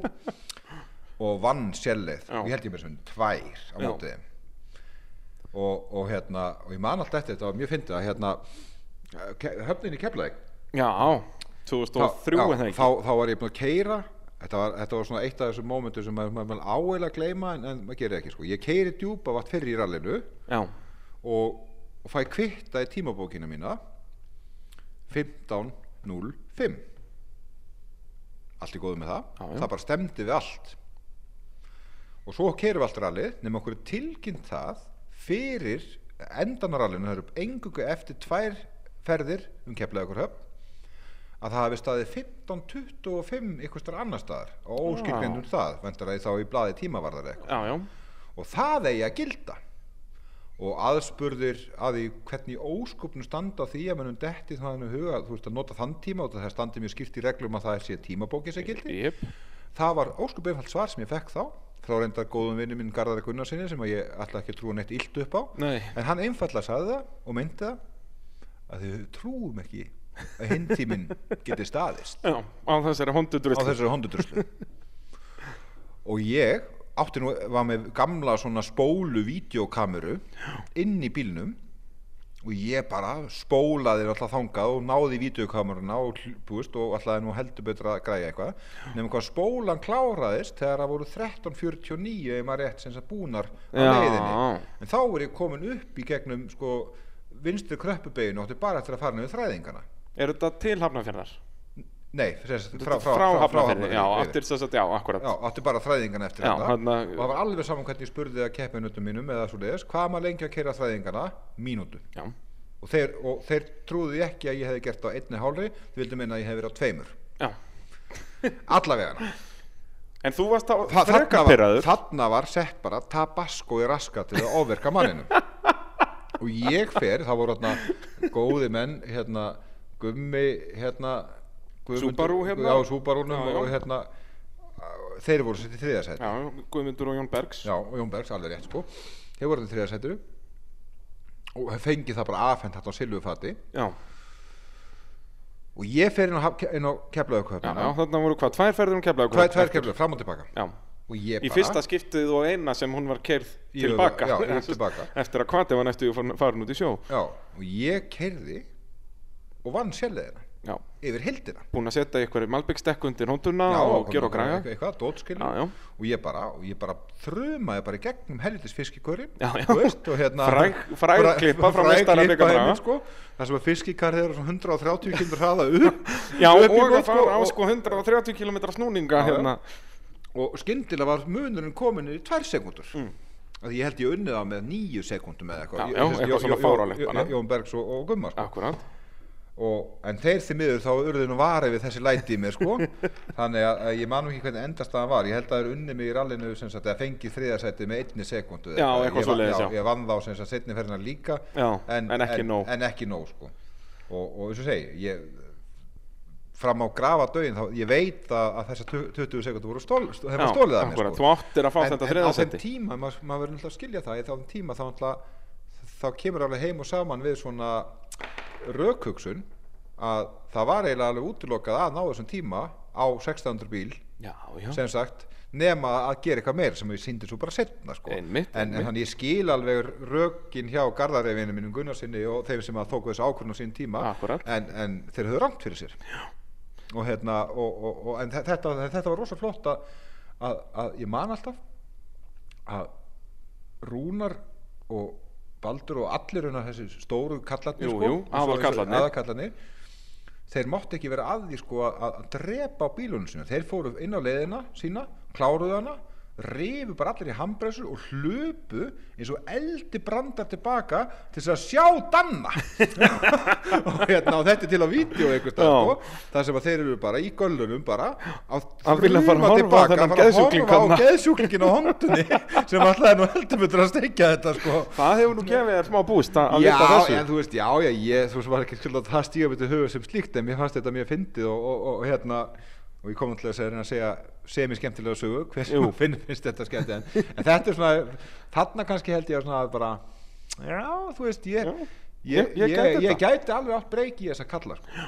og ein, ein sko bara, svo það sem nú sagt bara algjörlega uppátt, því ég náttúrulega ber alveg bara óendalega verðing fyrir Rúnar Jónssoni og, og það að, að við höfum aðeins ná að mætast þarna þar sem Já. hann er á, á, á, á pródræf hérna, impressu og ég á 1600 hondum með búri eftir Stengri Ingarsson að, að ég hafi aldrei að það ekki komið fyrir að hann hafi hérna, En- við- enst en, lengur. skilur mér finnst það ábúst að leiðilegt og það snýst aldrei um það að, að ég hefa einhvers konar þörf fyrir að sína það að ég sé betri en hann Nei, nei, eitthvað svoleiðis.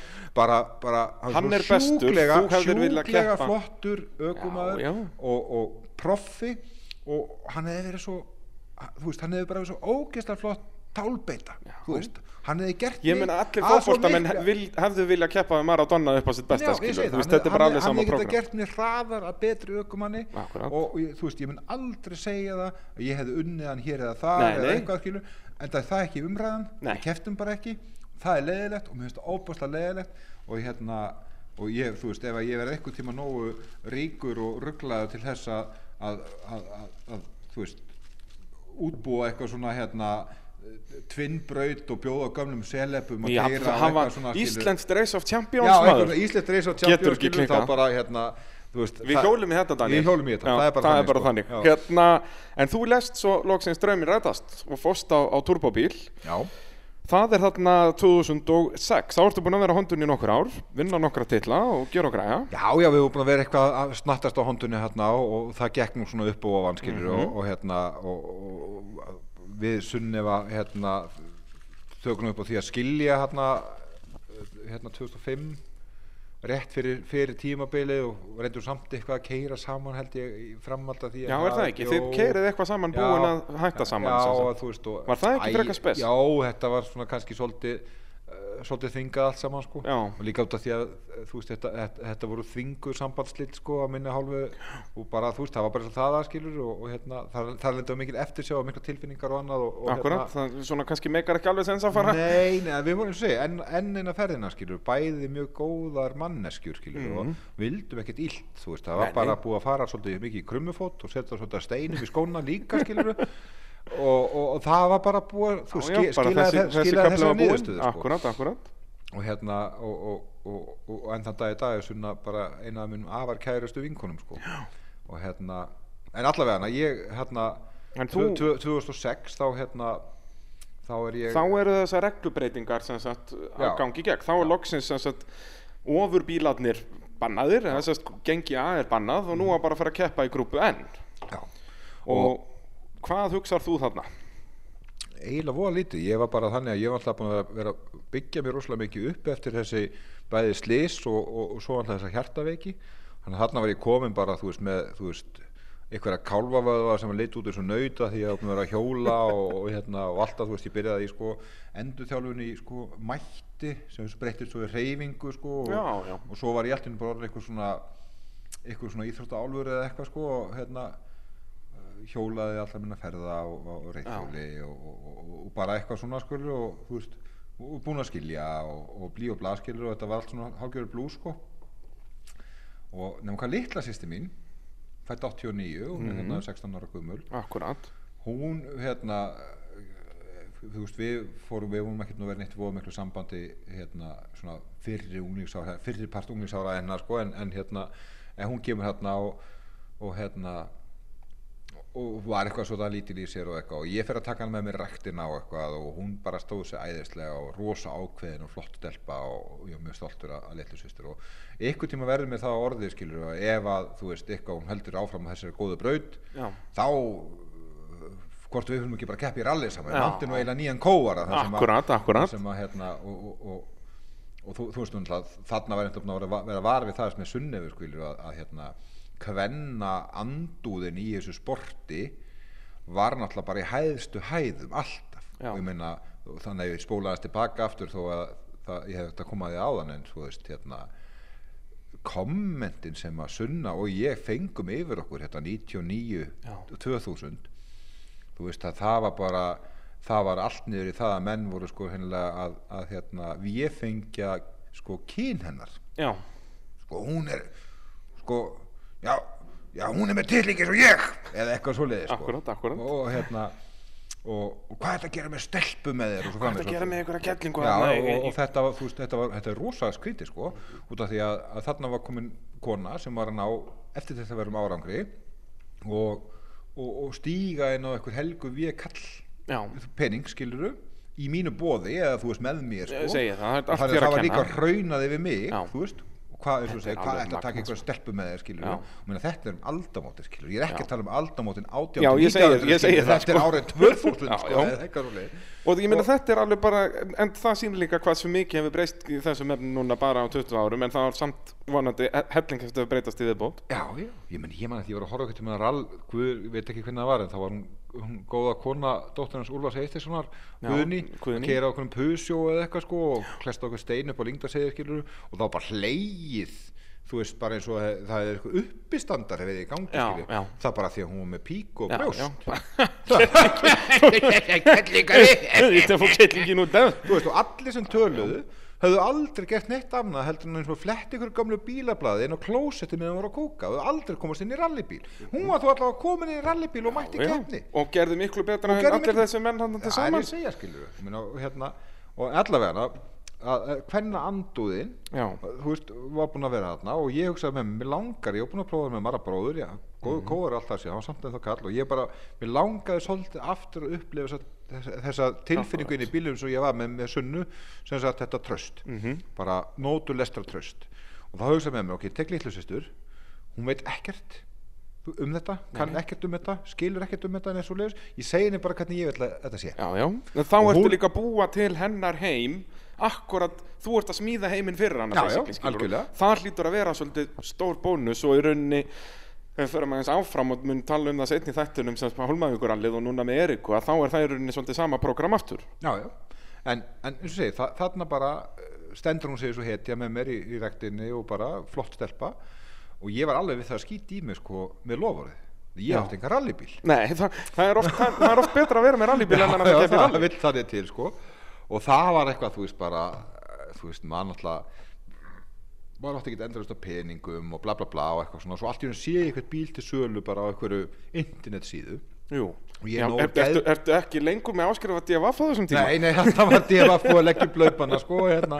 Og, Þannig að þú neittist til að fara inn á internetið? Já, já, ég fór á stóra veraldavegin sko, og Uspa. hérna og, og ég er svo sko, stjartfæræðilega klikkaður að hérna ég kaupi bílinn á þess að fara svo mikið sem að skoða Já, það er svolítið, þú ert búin að borga fyrir hann bara. bara einhverju manni út í einhverjum útlöndum eitthvað, mynd af honum Já. bara Mitsubishi Evolution. Já, með C-merkingum og Já, eitthvað einhver, svaka playsta töff. einhver Playstation merkingar Já. á honum. Og gæðin var í Hollandi og, og það eina máli hann gætt komið hann í skip á fimmtugum Geggjað. Fínt. Þá næ ég fyrsta rallinu. Og, og bílinn kemur til landsins og ég man alltaf eftir, sko, ég, hann kom til landsins bara hennilega daginn fyrir keppnina eða Já, eitthvað, ég man eftir þessu, sko, þetta þetta var bara eitthvað rugg og ég fer, þú veist, næjan út úr tolli og eitthvað og, og, og bara, fuck, fjórflótrif og eitthvað og bíl Já, og eitthvað og og, læti. Og ég, man, í, í staðin fyrir að keira inn í Hafnarfjörð sem sagt frá samskip þá, þá, þá keiri ég upp Suðurlandsvegin og ákvað fyrir að fara heiðmörkina. Já, og ég komst þrjár beigur og þá var ég fann út af. Í heiðmörkinni? Í heiðmörkinni. Bara lá ég bara okkur vegkanti ég náði að krafsa mig upp á veg eftir svolítið mókstur og eitthvað en þannig að þú veist ég komst þrjár beigur á svona bíl Nei, og þá var ég komin út af. gott fyrir confidence svona. Já, já, já, já. og svo bara morgunin eftir var ég mættur upp Mættur í í- orkuveituhúsi í fyrsta rall með sýstu mínu með við hlið sem að þú veist notabenni vissi heldur ekkert skilur ég vissi ekkert hérna bíl veist, það ekki, ég vissi bara að komst að því að eitthvað, veist, það var ekkert í þessum bíl skilur annað en það voru Já, þetta var bara, það var eitthvað smá fjöðrun og svo var þetta bara grúp enn í rauninni. Já, þetta var bara grúpben bíl sko. Já. Þetta mjög merkilegu bíl sem ég kom setnað sko. Það, var, það fylgdi ekki til sölu lýsingunni en Robert Kubica átti og kerði hennar bíl. Akkurat, akkurat. En hérna, hann var nú ekki verri en svo. Ekki, þú veist, það var einhver tölvan í honum var eiginlega bara svona uppgreittu standard tölva eða eitthvað, hétt já. Autronic eða eitthvað, þú veist, það var ekkert antilag og það var ekki neitt og, og þú veist, þetta var bara ég, ég, þú veist, en ég hafði bara engan samabröð Nei, nei, þú veist, ég, bara tók bara bílinn eins og hann kom á höfninni með playstation-merkingarnar settist inn í hann og, og við kerðum hérna eitthvað, þetta var svona sprettrall, svona já, kynningarall eða svona, svona hálft, gildi bara hálft til stiga já, eitthvað? svona sko það var. Og, og, og hérna og ég veit man ekki hvernig tímatni voru en við vorum alltaf fljót en ekki fljótust. Svo voru við fljótari en samt ekki fljótust. Og, og svo þú veist á síðustu tveimur hvort það var guðvinnisliðinu með eitthvað svona þá hreinlega bara náðu við bara að vinna. Já, já, þau veist, þetta já, við unnum þetta rall Með bara tveimur sekúndum já, eða já, þú veist, og, held að vera á síðustu leiðinu ég maður það Ísak sem við vorum að sennilega með Sigurbraga, já, Já, já. Sigurbraga. Þarna er, hann tekur á mót okkur, þú veist, það sem við vorum í, semst, í sko. Og, og, og hann, hún var bæði, sko, skemmt og, Og sá, skilur, þú veist, þú veist, það var, var svona, maður sá svona, hérna, eins og hann væri svona geðklóði, sko, og það verið báði karakterin í einu, sko, sem að hægri vængurum var brosandi og vinstri vængurum var urrandi, sko, en hérna, hérna, en við unnum þetta rall. Og hérna, og það var algjörlega bara stór magna, sko. algjörlega og við skulum fá að heyra betur núna já, eftir örstu hlið, já, hvernig þetta árvirunni þróaðist og þessi næstu ára á eftir því að þarna svona fer ferillin að kikka inn að, að ykkur viti. Allt hér í mótavarpinu eftir smástund. Þið eru að hlusta á mótorvarpið hér á uh, Sport FM 102.5 Daniel Sigurðarsson uh, er hér í spjalli með mér við erum svona færið við ferilin hjá þér en hún komnir að því herrans árið 2006 þar sem að uh, þið ásta sýstiðinn eru búin að vinna fyrsta rallið og þannig svona gekk það ár bara þó að þið komið aðna sem nýleðar í, í stóra flokkin að þið haldið áfram að vinna vinnið aftur keppni nummer 2 er það ekki? Suðurnessi rallið? Ég man það ekki. Nei, Ég var bara við ekki það, ég, við, við, unnum, við unnum ekki allt sko. En hérna, en, en við vorum allavega að nákvæm gekk vel, við vorum ekki þetta út. Og hérna, og svo náttúrulega kemur þetta slis á, á Já. 2006 eða mitt já. Þegar að Siggi Bræi og, og Guðmundur slasast. Já, og það náttúrulega gerði eftir ekki svolítið auðvitað, við vorum samt alveg búin að vera bísna, hvort við vorum hérna leitum Íslandsmóti fram á því sko, Já, svona, ég og vorum að setja mikla pressu á hérna, Já. kempurnar sem áttu náttúrulega að eiga þetta bara in the bag sko. Akkurat, akkurat að hérna, við vorum svona spútnik og hérna og, og það gerði náttúrulega eftirleikin þannig séð auðveldana þeir náttúrulega bara þeir báðir voru út það sem eftirleiði tímabil sko. þannig að þið verðið meistarar hana við verðum meistarar á okkar fyrsta ári á, á, á, á fjórhaldri spíl. En svo náttúrulega verður árið eftir þá verður þetta orðið, orðið erfiðara að þá náttúrulega bæði koma þeir tilbaka og svo meiri samkefni í rauninni. Já, sko við mætum bara 2007 rosa spikspert til leik sko og eitthvað Já, og, og hérna uppfylla sjálfströsti og mér er þess að búin að taka hérna mála bílina þegar sumar og undan náttúrulega við, við, veist, við vissum ekkert hvað vorum að gera við, Nei, nei. við kunnum ekkert á bílin og, og ég var bara mjög heppin með alveg sko einn var að leið hérna uh, þjónustu fólks í kringum mig sem að hérna bara tók hennar skóla með okkur ástu. Já, já, að bara hvernig maður að reyna að gera út svona bíl og halda honum gangandi og ég gaf þeim alveg næg hérna, verkefni yfir sumari það, það, 2006 sko. það er óhætt að segja það. Já, hérna, með allskins hérna flumbrið, þess að segja mér við vorum bara, við vorum bara í skóla, við vorum, ég, segja, ég var mjög lítið búin að keppa hérna í, í fjögur, fimm ár, eitthvað svo leiðis og, og, og það var fullt af mistökum en, en, en, en, en fullt af talent, sko, og það er að fyndi, sko, veist, svo lítið vissum við að, hérna, að um veturinn eftir 2006, þá hérna, þá tek ég nú allan að vera svolítið pró í þessu, þannig að ég tek demparana mína og sendi það út til Quick Motorsport til hérna Graham Quick. Já, þannig að nú hjálpað mörgum Gre- já, já, afskaplega mætur maður og góður sem ég ætti að kynast mjög vel e, setna meir. Já, já, er hérna, svo ringir Graham í mig og hann spyr bara svona hver er að gera grínið þér? Nú, ha, ég, nú, hvað, ha, býtu, hvað meinar þau? Ég meina, hvað er það sem tempurum og ég bara, ég, ég, ég veit ekki hvað er það sem tempurum ég er bara rosa fyrir dempara ég kerði rosa mikið á þessum tempurum í sumar og rosa gott. Og býtu, varstu eitthvað að eiga við þá? Nei, ég segi, ég átti ekkert. Ég hefði aldrei nýtt við neinu sko. Á, nei þannig að það er sko það er allt skrúað í bótt sko. Þannig að þú veist, rebound og allt saman er eins hart eins og hægt er sko.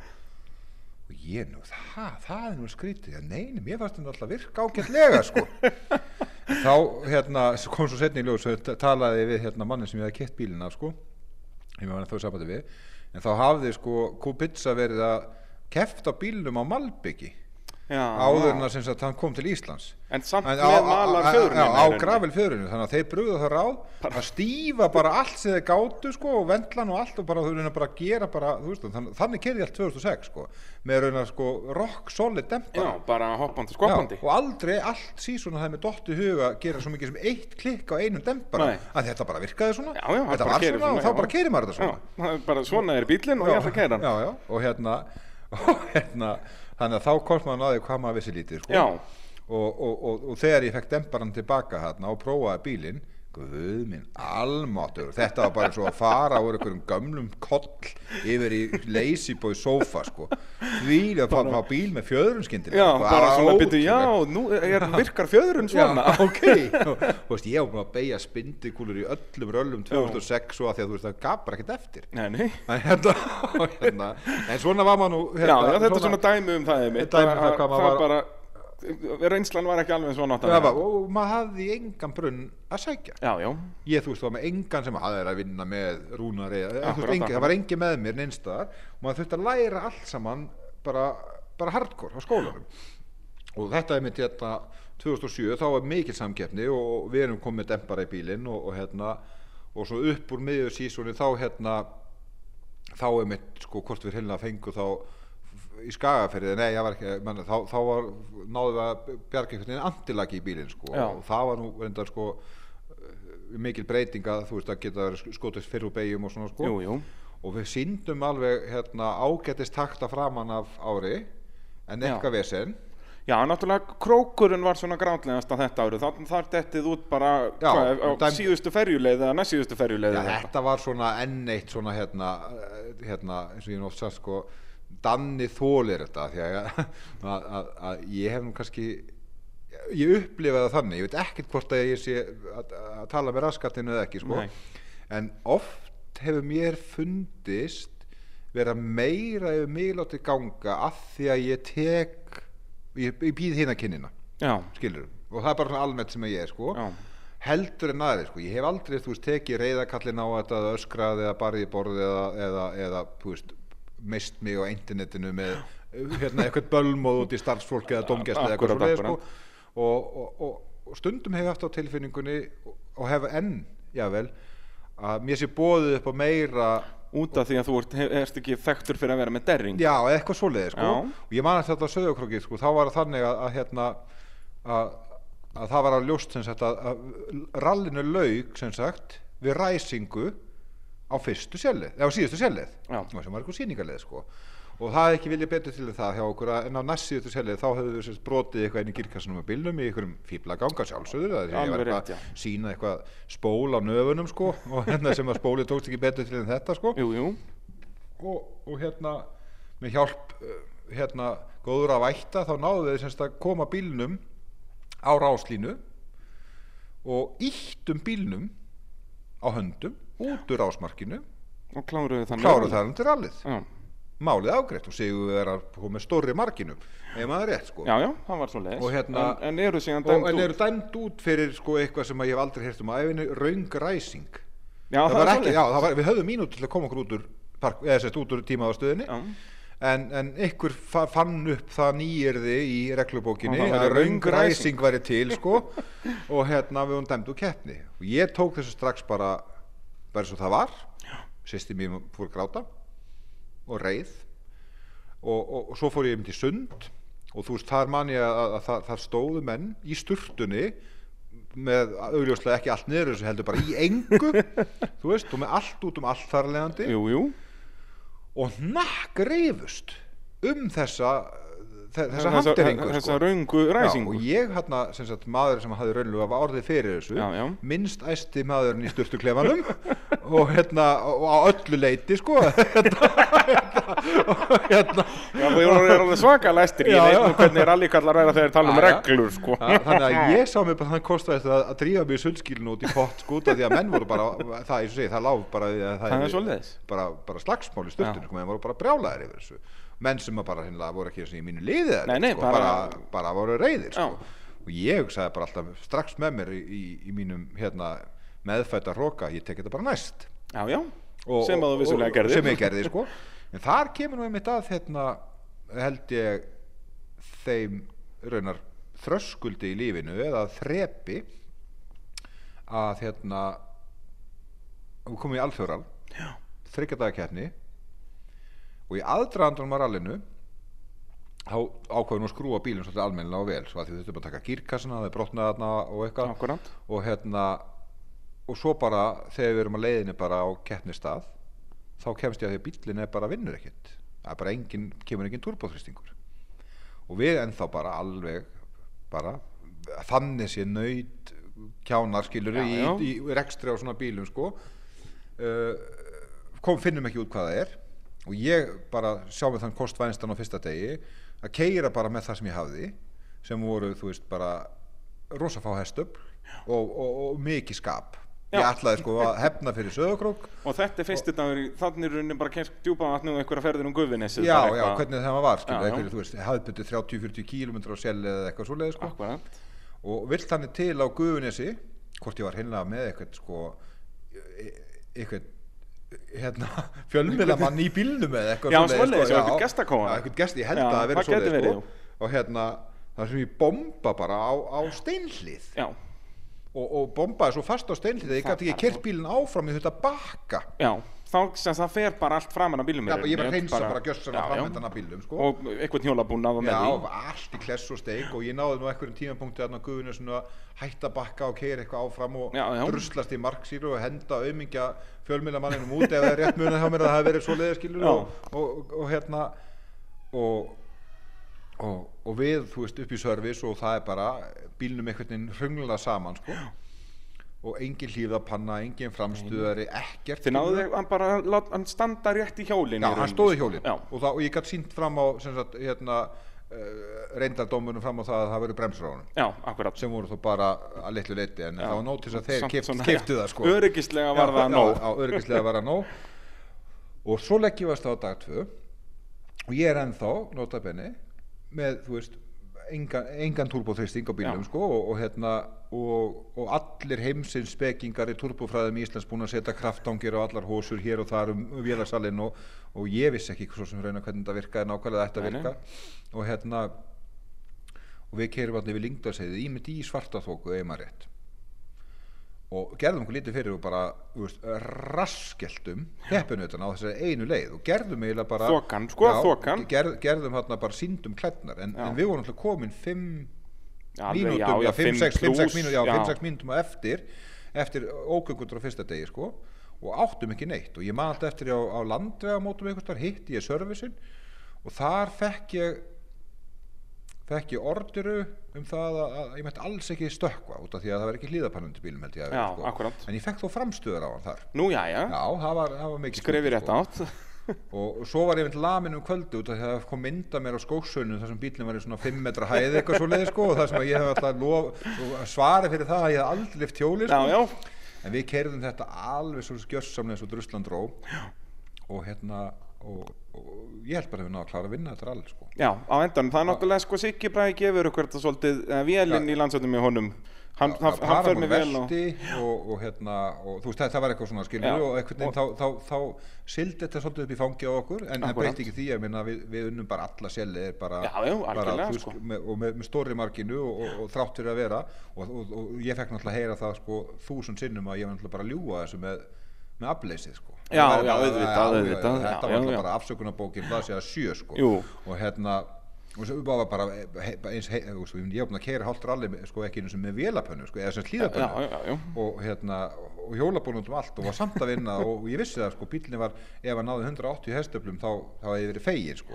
En hérna ég þetta snúunum upp í 7 já, já, bara, þú varst bara í non-turbo flokki já, já, þarna. og hérna og, og svona gargaði maður en, en ég hef oft sko þessi, þetta þrep þröskuldi sem ég var að tala um áðan sko ég held að þetta afleysi og þessi þú veist bara raun að byrja þetta á sögurkrók þegar ég dæmdur úr svona kannski ekkert sérstaklega sangjant úr keppni hvernig sem það var sko.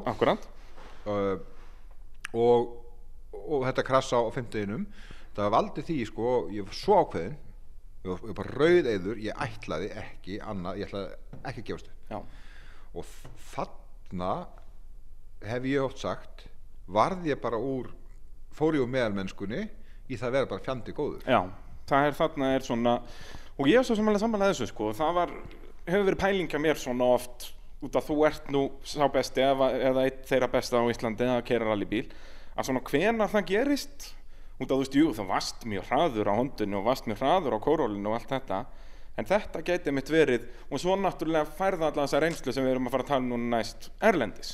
Já. Og ja, hvernig byrjar það dæmi? Út að þú byrjar þar 2000, er það haustið 2007? sem þú Haustið byrjar? 2007 sko. Og ég, ég hvernig, bara semst, ferðu- 2007 var náttúrulega þannig að, þú veist, að, að, þó ég var að keppi í ralli og leika mér og gera grín og gaman sko, og eitthvað svo leiðis Mhm. þá, alltaf, þá var mikil velsæld í þjóðfélaginu Jú, og ég egnaðist svo sem ágættis velgjörða menn líka í kringum þetta en þessa velgengni og, og, og hérna og, í rallinu og annað og, og hérna og, og enn aftur skilur komni bara aftur í, í hérna gamla tímariti 1984 þar sem að Jón Ragnarsson og Ómar bróði voru á Simku í í jú. Svíþjóð og, og eitthvað svona, eitthvað svona draumur skilur ég veist að Rúna Jónsson hann hafði farið og keft eitthvað í Breitlandi í Bulldog og annað og alltaf talað um Breitland sem mekku motorsportsins ég komið já. tengslatna við Graham Quick og, og, og, og hérna og, og svoleiðis og, og, og við lönduðum hérna já, annað árið í röð. annar ári í röð og yfirburðinni voru talsett miklu sko. Þegar, meina, þegar bílið var komið með hestublísi aftur skilur Já, þá, þá bara Það var aðeins það, þá var bara munurinn orðin bara svo vel sjáanlegur sko. Já, já, það var bara það var bara búið að skilja hérna svolítið eftir. Og, og hérna og, og það var ekkert að þeir, þeir eru hægt á sér. Við bara hreinlega, við vorum eftir að hafa kyrt þessa 300 seljaða kilometra með lítil hestöp og þurftum bara að vinna í því að hvernig getum við haldið hraða í gegnum beigur Já. hvernig getum við bremsað eða bara sleppti að bremsa Akkúrat. eða bara bremsa ógætlega seint sko, Þú hérna, hefur talað um þetta mitt að þú lærði svolítið að keira á þessu að hafa afleysið, að þurfa að fara eins hratt og mögulega hægtir í gegnum beigurnar til að halda einhvers konar hraða. já, já.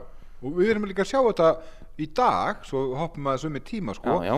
að með, með hennan svo kallar non-turbo flokk skilur sem að mér finnst sko bæði flokkurinn óþólandi og nafngiftin á hann verri sko Abja var að hluta flokkurinn. Já, já, AB var að hluta flokkurinn. Ég sko. bara, að, ég ber alveg óendarlega verið fyrir AB var hlutum fyrir sinn stuðning í motorsport sko en hérna en, en, en þeir sem að hafa verið að klára sig úr þeim flokk Já, er að koma umtalslega sterkari inn í turboflokkin í framhaldi heldur en til dæmis við sem vorum í gamla dag í Nordekkinu á okkur Já, afturdrifs rikkskilu og fórum svo á okkur forvíl sko. Við vorum enga veginn eins vel sko æfði í það. Já, já. en þeir sem eru að koma í þessum eh, AB varhaldaflokk upp í turbói sjáum bara svo skaftaði fyrir það sko Já, já. bara afburða flottu keirar eða gera flott. Núna við að horfa að Halldór Vilberg koma í ár skilur bara þú veist hann er í sinni annari keppnir núna um daginn Algjörlega. bara spot on sko þannig að, að hérna að, að þannig ertu búin að eru þetta að horfa á keppendur sem eru búin að fyrir að glíma við það að vera með 125 SA e hestubli eða eitthvað, Jep. þú veist, bla bla bla í 20 ára gamlum bílskrjóð að reyna að ruslast áfram eftir íslenskum sérleðum Já. og, og, og, og, ná svo að, að, að framkalla það í turbóbíl þegar eru komin með aflið á beinukablan og svona en er að bremsa tildulega seint og er að taka góða línur og minna oft á tíðum að taka miklu betur línur heldur en stóru kallarnir Nákvæmlega, nákvæmlega. Þú veist, og ég var enda að horfa bara síðast í dag á eitthvað vídeo af Halldóri Viðberg og, og hérna Kó, Galsa Motorsport á sínum flottu útgerð. Farið gegnum þrengingu á, á, á hérna, þorskafæraðinu síðust á lögadaginn og, og þú veist, þeir fóru bara gegnum þrengingun á 120 eða eitthvað.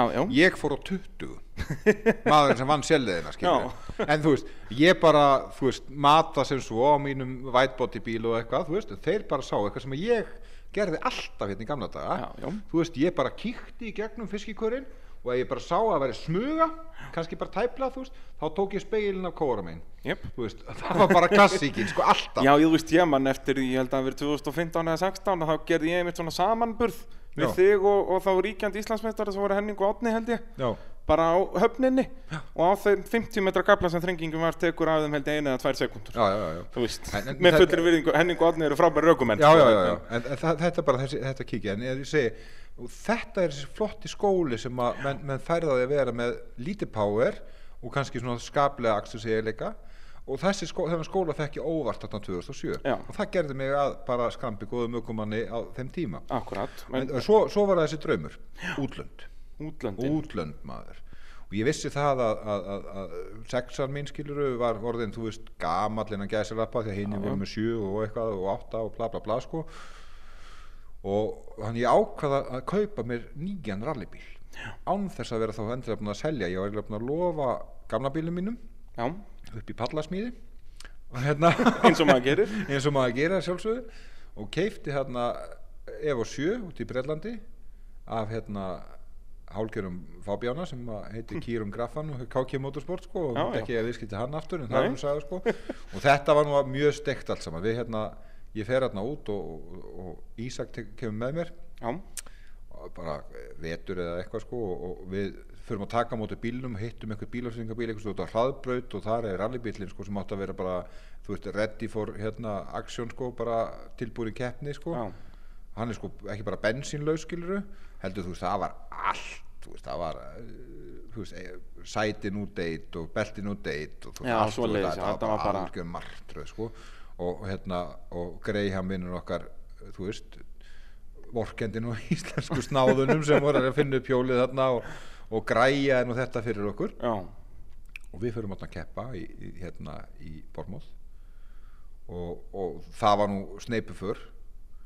Enda át í skurði held ég á selja tvö eða eitthvað svona sko, eða þrjú eitthvað svona sko En þetta er alveg hvað sem þið rústið síðan interkólir á jumpi, er það setna, er það árið eftir? Já, það var svo setna sko, Já, það ok. var tempestrali sko. Já, allavega. Já, allavega, við, við förum aðna og erum, eigum eitthvað svona tiltölulega misefnaða tilraunir þannig en, en, en fengum, eh, sko, bíli var alltaf bara eldgamall á breskan mælikvarða þó hann hafi þarna er verið rauninni tiltölulega nýr á íslensku Evo mælikvarða 9, þannig Já, allir á þarna Evo er það, 9 já. og það kom bara, þú veist, þetta var eitthvað þungu bíl og eitthvað sem er að að keppa þarna heima allar kvöldu síðan, þá jú. tangar til í fyrra held hann sé búin að syngja sér síðasta Já, sko. ég held að að Valdimar hafi hafi svolítið séð um það já, já.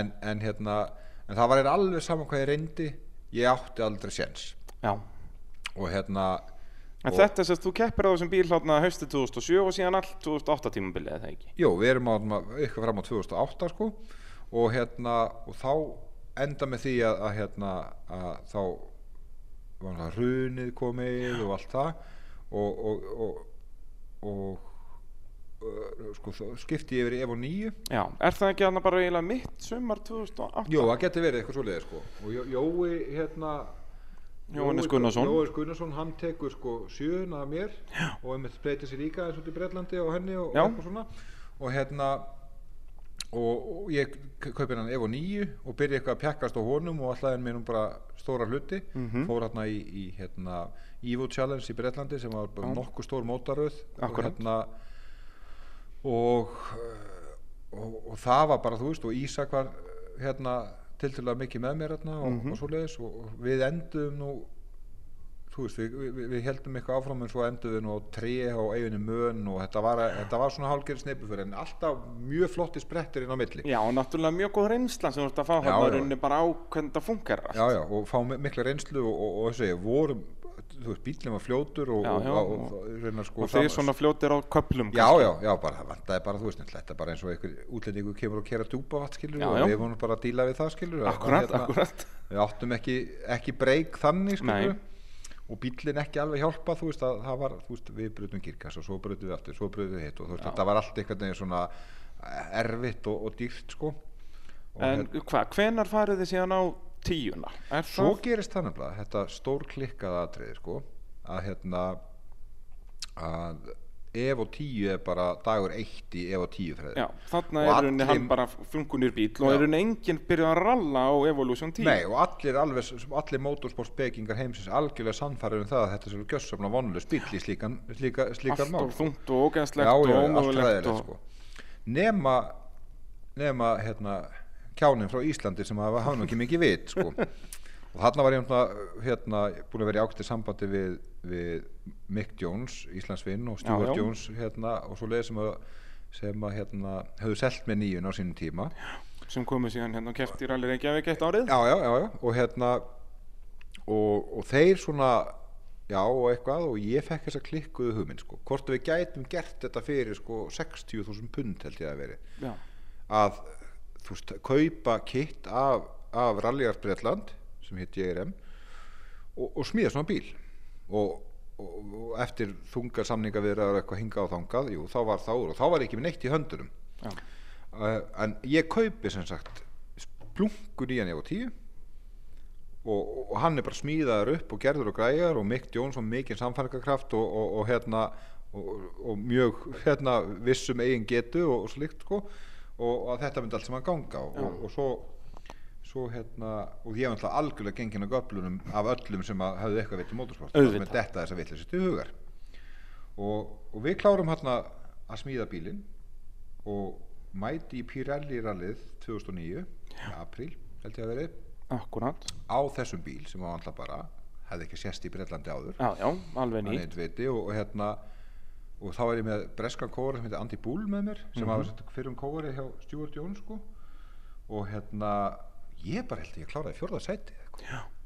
Það, í- og, og þetta á BRC keppni Já, ég segi það, sem sagt, fyrir það sem ekki vita, þá er í Breitlandi í rauninni svona tvö meistaramót, það er BTRDA sem er kannski meira svona byggarkeppni eða þannig, það eru kannski já. meiri svona eldri kallar að keppa þar en á mjög flottum bílum, það er já. leift að vera Vaffir C-bílum og svona þessum græn en BRC það er svona official mótið, þar sem að ungu strákanir eru að koma í gegn sem ætla að vera heimsveistarar og allt þetta. Og það er svona bæði miklu dýrara og náttúrulega miklu flottara og, og, og betri umfjöllun og allt svoleiðis.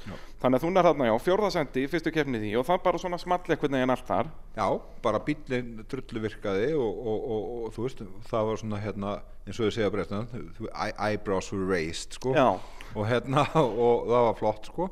Og hérna og ég held áfram að ke keppa á tíunni, fóð með Andrew Sanki og vann svo Midwells-rallið.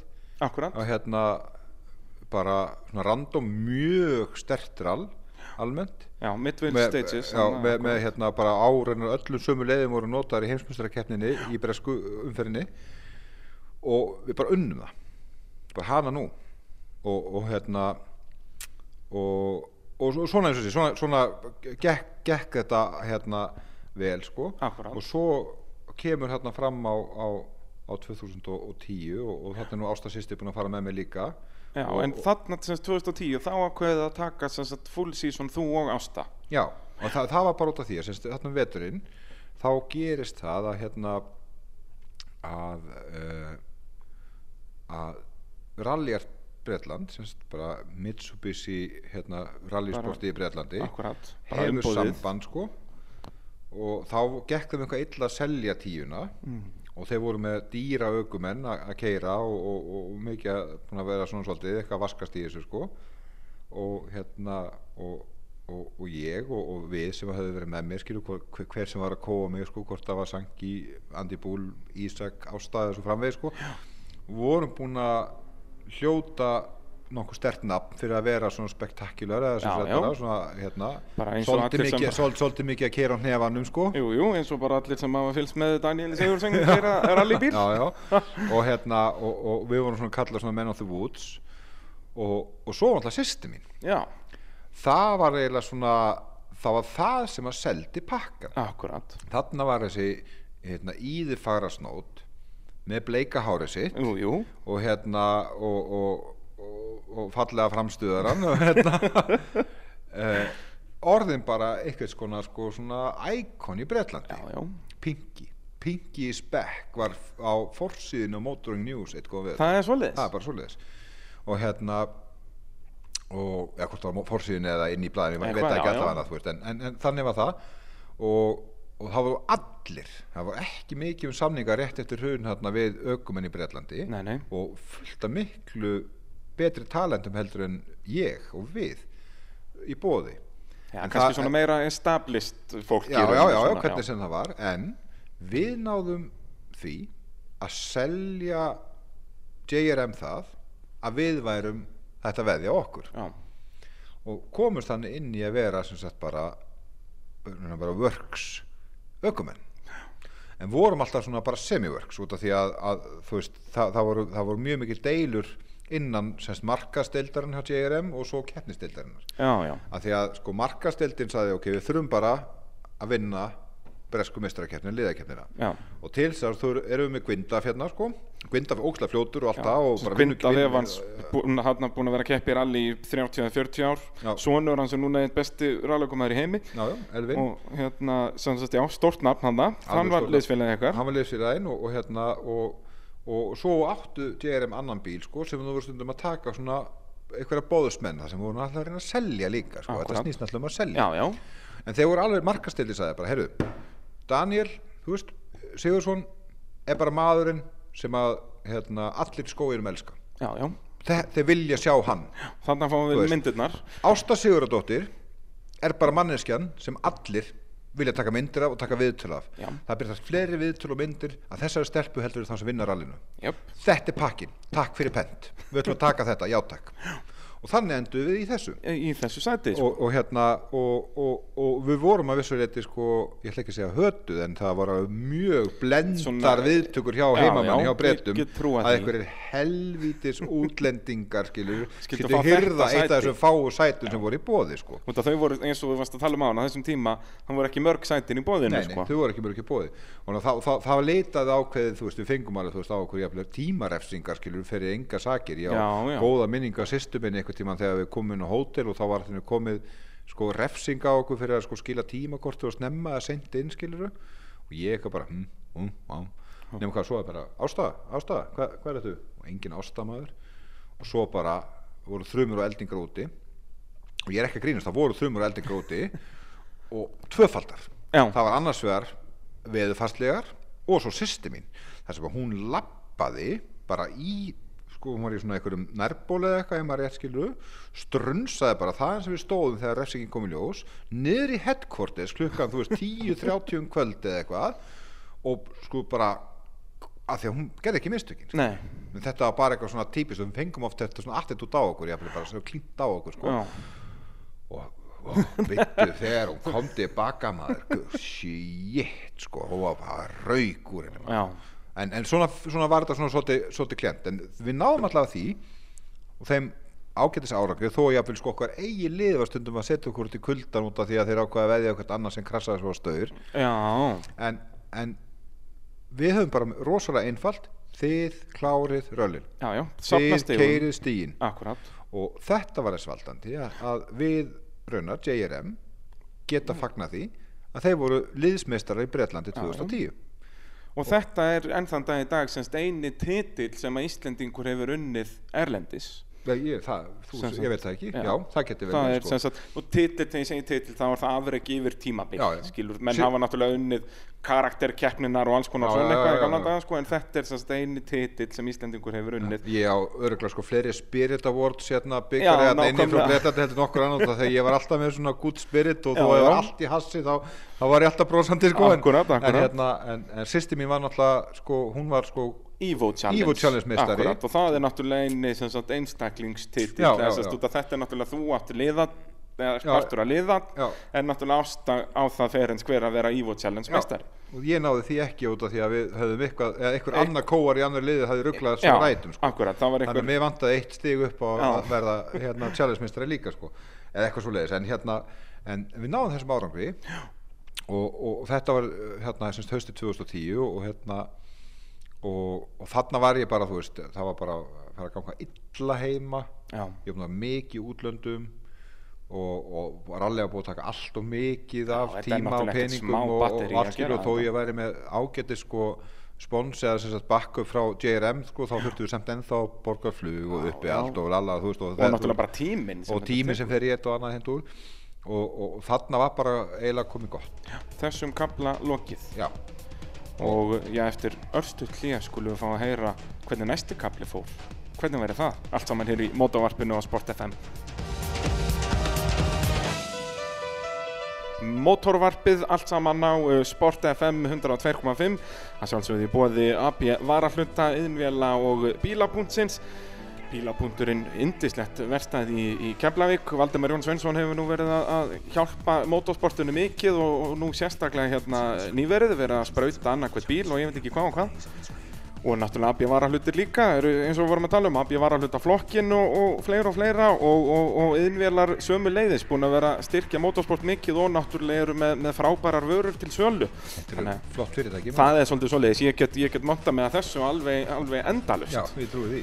Uh, Daniel Sigurðarsson þarna, já við vorum svona að setja punktin yfir yfir á þessum magnaða ferli sem þú áttir í því þetta er rauninni besta afreg sem að Íslendingur hefur náð erlendis. Við Íslendingar höfum alltaf verið að fara svona aðeins út en, en það hefur aldrei neitt náð að keppa heilt tímabil eða eitthvað svona að ykkur viti. Þetta er Nei. alltaf að ná að leiða eitt bíl og, og já, svo já, já, bara og, taka ævintýraferð eða eitthvað svo leiðis sko, Akkúrat, en ekki, ekki að vera með eitthvað mission Já, þannig að, að þarna náttúrulega færðu hellingsreynslu og náttúrulega bara, já, frábært að ná þessum árangri.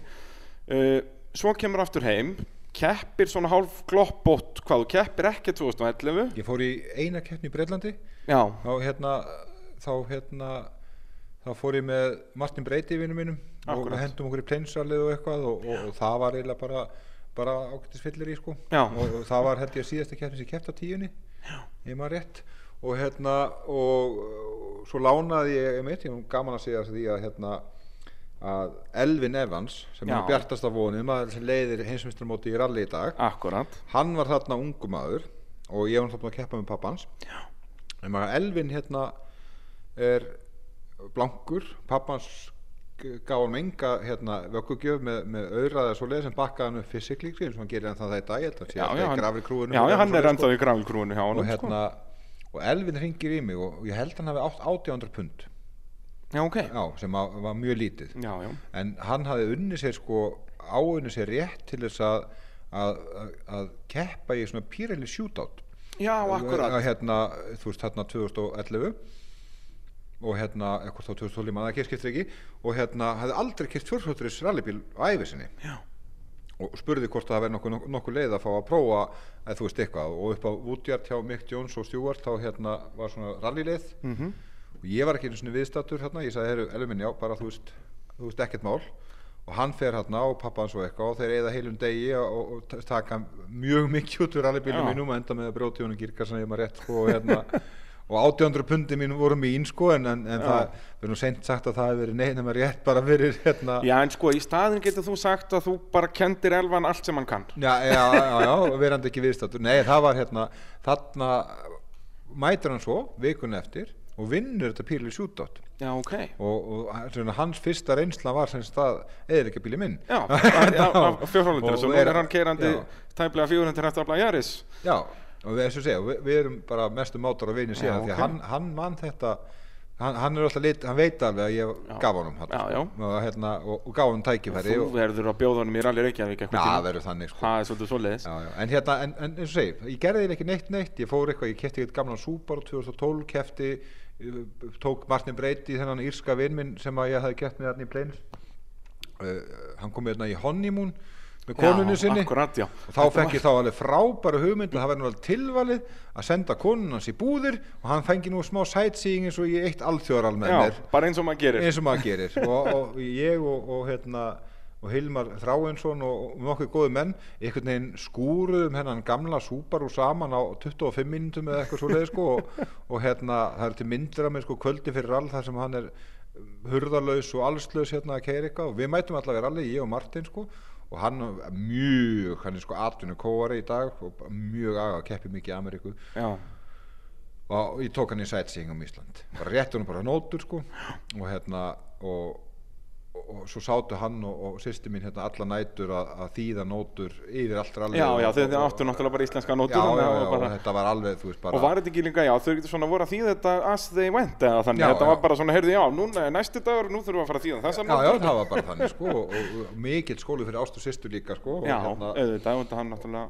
og, og þe- þetta var, þetta var svona eitt, eitt, eitt, eitt, svona- eins og hann senan, eitt svona ævintýri sko já, og hérna, en ég kefti anskotan ekki neitt þessi Nei. ár, sko 2012, 13, 14, 15 þú ert að mæta svona einu og eina keppni Já, eitthvað, eitthvað sting- 15 stinga mér inn, sko. Mætur eitthvað á þessum gamla og hann bílar eitthvað Já, og já, þú veist, ég var eitthvað, veist, þetta var allt með hálfum huga og, og einhvern veginn, þú veist, kannski ekkert sérstaklega efnaður og, og einhvern veginn kom inn á þann stað að ég var ekki að fara að betla sponsoraðinu með neinum skilur með eigandi mitt eigi fyrirtæki og, og þá, þú veist, þá, þá veginn kemur maður á þann stað að þú veit ekki alveg bara, heyrði, að maður fá hérna 100 Já, áskatt fyrir það- limmiða eða eitthvað, þú veist, Það það, er það var pínu búið, sko, já, já, þú veist, og komin vel á færtusaldurinn, sko, og allt það, þannig að hérna, þannig að svo 2016 þá hérna þá er hérna sko hausti 2015 þá kaupi ég nú eitthvað nýjan Subaru og hann þreyttur á gamlu útgerðinni og hérna kaupi nýjan Subaru og, og við við sýstir förum í haustral og, og þá varum um haugadalsheiði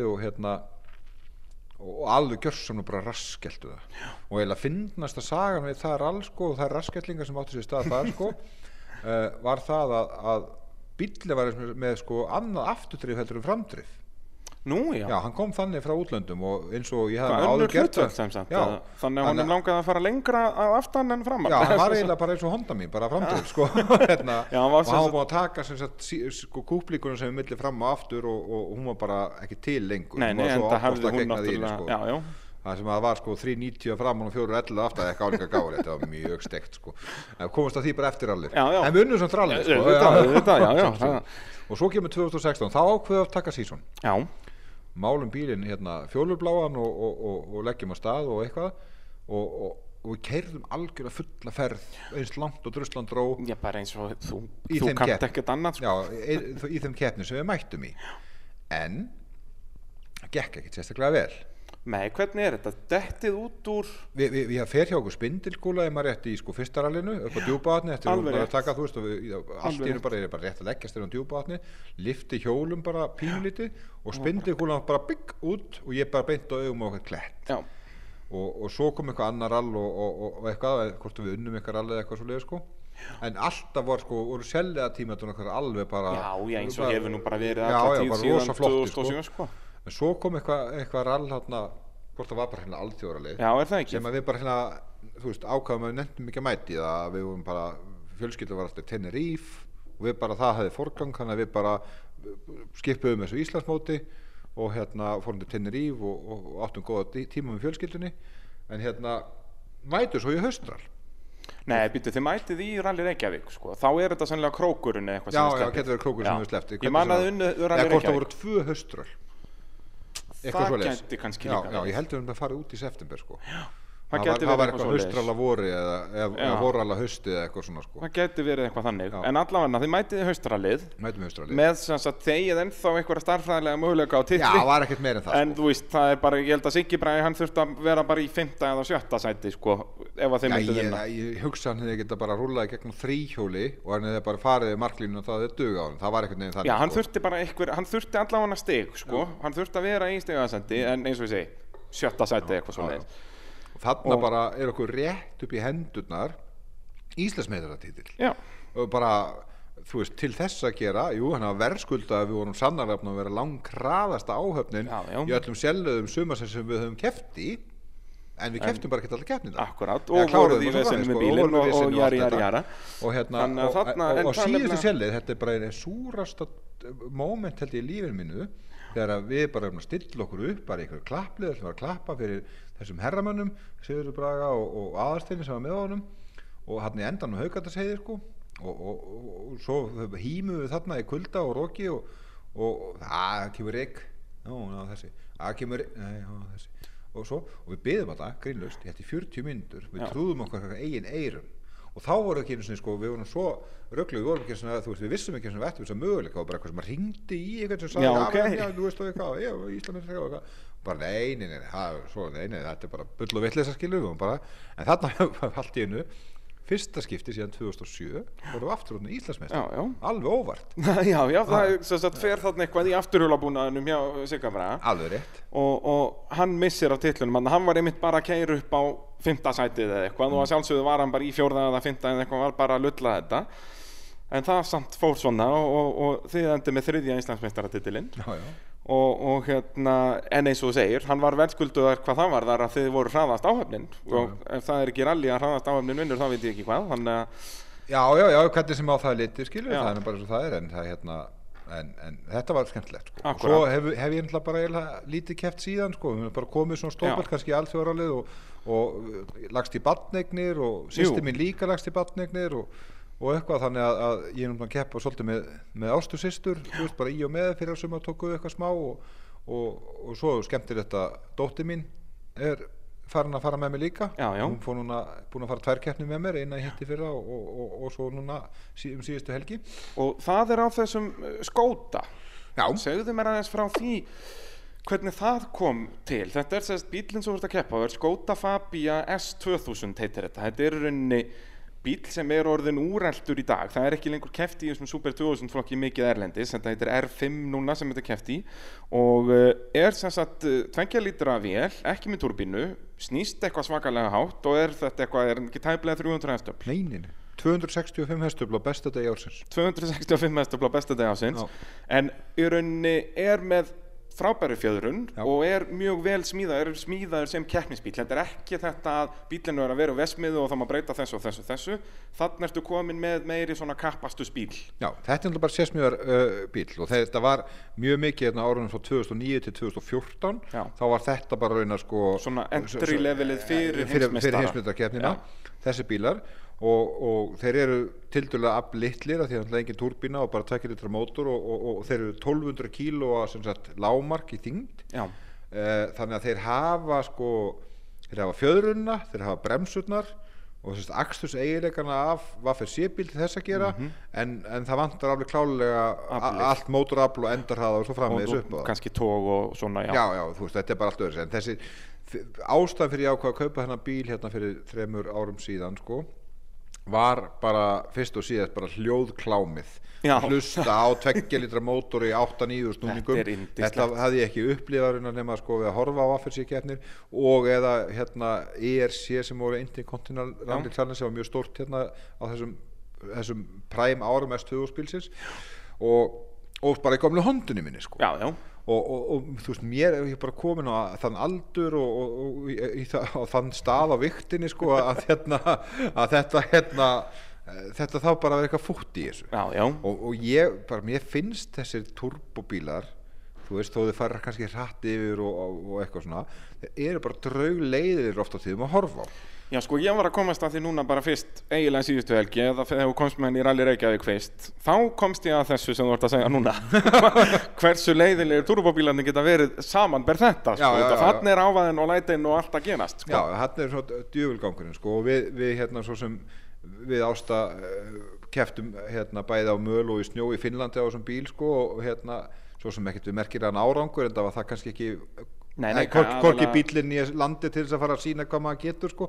En, en bara í reynslu ekki í veltunum á möl sko bara En það var nú samt ekkert kútveltu honum, Nei, nei, þetta þetta var bara þetta var bara einhver tildulega kröpp vinstri beigja og, og á, í exitinu þá sennilega snappar hjá mér öxull. Já, þannig að hann bara sko spinnu bílum bara, bara, og já, bara á bara- einni sekundu neitt. til á vídeo og YouTube eitthvað stað Já, ok, ég fyrir að googla þetta Já, hann bara dundrar í, í barða og, og hérna, bara inn, innan í beiguna, það er ekki svo ég að fyrir út um mig. bara- bara, það missir bara afla á, vinstra hjóli og þá er þetta bara eins og menn sem var bara lendi eins svo og leiðis bremsa já, bara. það er bara eins og bremsa hjólinu Já, og hann bara búm og þú veist, ég var lög búum beiguna sko. og, þetta var mjög asnæð allavega veltum frekar bílum eitthvað en, en hérna, en S2000 er æði, hann er hljóðklám Já. hann er algjör nöyttin að keira Já, bara íslenskur allir vantaði líka nýbreytni, sko. Já, Það er gaman sammála því sko. og eins og Halldór Vilberg, hann er líka að gera gott Já, móta með frábært. 6 cylindra Subaruin. Æðislegt. En einmitt, þetta er eitthvað sem vantaði í Íslands rall. Já. og, og þá förum við að tala um Holmavík sem var núna síðustu helgi, Holmavíkur rallið, önnur umferð Íslandsmótsins. Uh, þar vinnið þið og, og Erika já, velur rúmlega þrjár mínútur í næsta bíl tvær mínútur og 59 sekundur til að vera nákvæmur no. af hverju er það? af hverju ertu svona miklu, miklu hraðari og eins og vorum að tala um í byrjun þáttarins þetta er nú eina rallið sem þessi bíl á á öllum pappjurum að vera verri Já. út af þar sem að þetta er, þetta er bara mikill hraði þá eiga grúpa N-bílarnir að vera hraðari Ég náttúrulega hef búin að tala rosalega lengi fyrir því, þú veist, kannski við eh, frekar döfum eirum, en ég, sko, mér, mér, ég hef alltaf verið að gaggrina þetta á Íslandi, þetta, hérna, þessar leiðaskoðanir endalösu skiluru og, og svo framvegis og laði það til fyrir mörgum ára síðan að hvort við ættum ekki að hafa eitt svona leinirall og eitthvað Já, svona já. og ég var að púa niður út í eitt, sko. ég man eftir þessu, þetta er en- 2010 Já, já, þú veist, og bara, þú veist, við bara gerum þetta svona og, og færum leiðarskoðanir af vegunum og eitthvað og, og ég tók mér nú til í mitt hérna með hólmaðikurallið og, og endur smíðaði það hérna einhvern tíma fyrir nokkrum ára síðan. 2016 Já, og, og, og setti þá bara upp þannig að það má bara leiða skoða, þú veist, Þennan milli eina klukkan dag, þetta dag, já. milli þetta og þetta og það má bara servisa hér og hér og hér og ekki út af vegi, þú veist, og eitthvað svona og, komið eitthvað svona,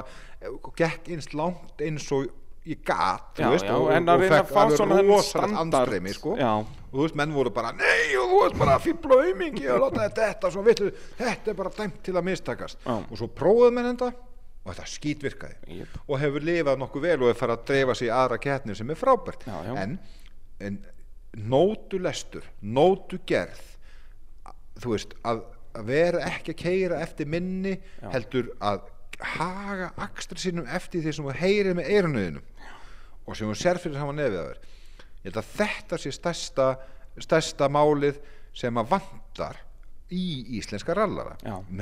Ykkur saði að veist í, í, í Íslandsmóti í ralli hefði 60% farið fram á djúpavatni í fyrra eða heitu eða eitthvað svona. Já, og, já. þetta, þetta er leiðið og þetta er smæð landsins og smæð keppninar en þetta er svo aftrandi fyrir keppendurnar að því að, að þú veist, ég væri, ég get lofari ég er heimsmeistari í 100 metra hlaupi ég lofari, að ég bara gerir ráð fyrir það sé 100 kilometra sko, meðvindur veist, Já, já. ég þarf ekki svona að æfa hlaup ég verð heimsmeistari í hlaupi og, og ef það er ekki akkurat 100 km með, meðvindur á hlaupadæmi minn, skilur já. þá er ég komið afsökum fyrir því að ég vann ekki já. og þetta er pínlítið svona íslenskt rall því miður uh, þú veist, þú segir, ég ber endalösa virðingu fyrir keppundum mínum og, og, og ég hef reynd að gera allt til þess að bakka keppundum mínum upp og bjóða þeim kennslu eða prófun eða hvort að ég þú hjálpa þeim eða, eða þú veist, eitthvað. Já, bara hvað sem er. hvað sem er, að því að þú veist, ég er ekki komin hingað í þetta rall til þess að, að berja mér að brjóst og segja þessi bestur, skilur Nei, ég er bara til þess að ég hef fullt af reynslu og alltaf reynd að þú veist að miðla því að eitthvað þátt, sko. Og nenni ekki einhvern leðurslag, aldrei nenni einhvern leðurslag ég- leðurslag, fínt gerið þið það skilur, ég er bara ekki með. Já, já. og hérna, en, en þetta vantar. Og þetta, þú veist, lendur í pínlíti krefindi aðstæðum þú veist, þoka, rík, myrkur eitthvað svona og svo leiðis og þar er það sem við höfum alltaf verið að skilja mest í milli. Já, já. að því að ég keiri bara alltaf eins. Já, já. bara, ef að fjandanskóar minn segir þú veist, það er bara vinstra megin hæð, flatt þá bara dettur mér ekkert í hugar að lifta upp bensinkjöðinni Nei, nei, eða stíga á bremsuna neitt skilur og það snýst ekki um það að ég viti línuna eða sem er lím heila eða eitthvað svoleiðis að það er ekki hægt nei, nei. Ekki þegar þú þarfst að muna í og- og- og- 10.000 og- beigur nei, nei. og ég meina þú veist veist, menn, eins, eins og bara Haugadal segir sem eru miljón beigur og eitthvað svoleiðis og þetta er svona leið sem að þú veist, ég og Ásta mættum í okkar fyrstu keppni, fyrsta keppni við leið og þú veist, gerðanótur rúluðum yfir að mættum í rall og við tókum Bara fimm 90 mínútur af sekundur eða á einni leið eða eitthvað, þú veist, að næsta bíl sko. og, og, og það er bara þetta bara að, að búa til nótur og hætta að treysta á minnið. Já, þú veist bara, ef að þú ætlar að taka línu sem heitir skera eða, eða ef það, þú veist, mannstók getur drifta út úr exitinu að því út með meiri hraða skrifaði nóturnar. Já. hætt Og að muna það maður sér þetta, þú veist, eins og ég sem áhuga maður um rally og, og var náttúrulega mikil hetja hérna fyrir miljón árum síðan Já, já. og, og ég sé þetta svo mikið munin á að horfa á yngar úr íslensku rally þar sem þetta er bara hægri þrýr og vinstri fjórir og, og, og blind beint og hvað þetta heitir nema eins og ég var fyrir sig heimsvæmstarakeppni þar sem að hver beigja er sko líst með að minnst á kosti fimm orðum Já, já. út af því að þú veist, hún er hægri þrýr sem þrengist og opnast og þrengist Já.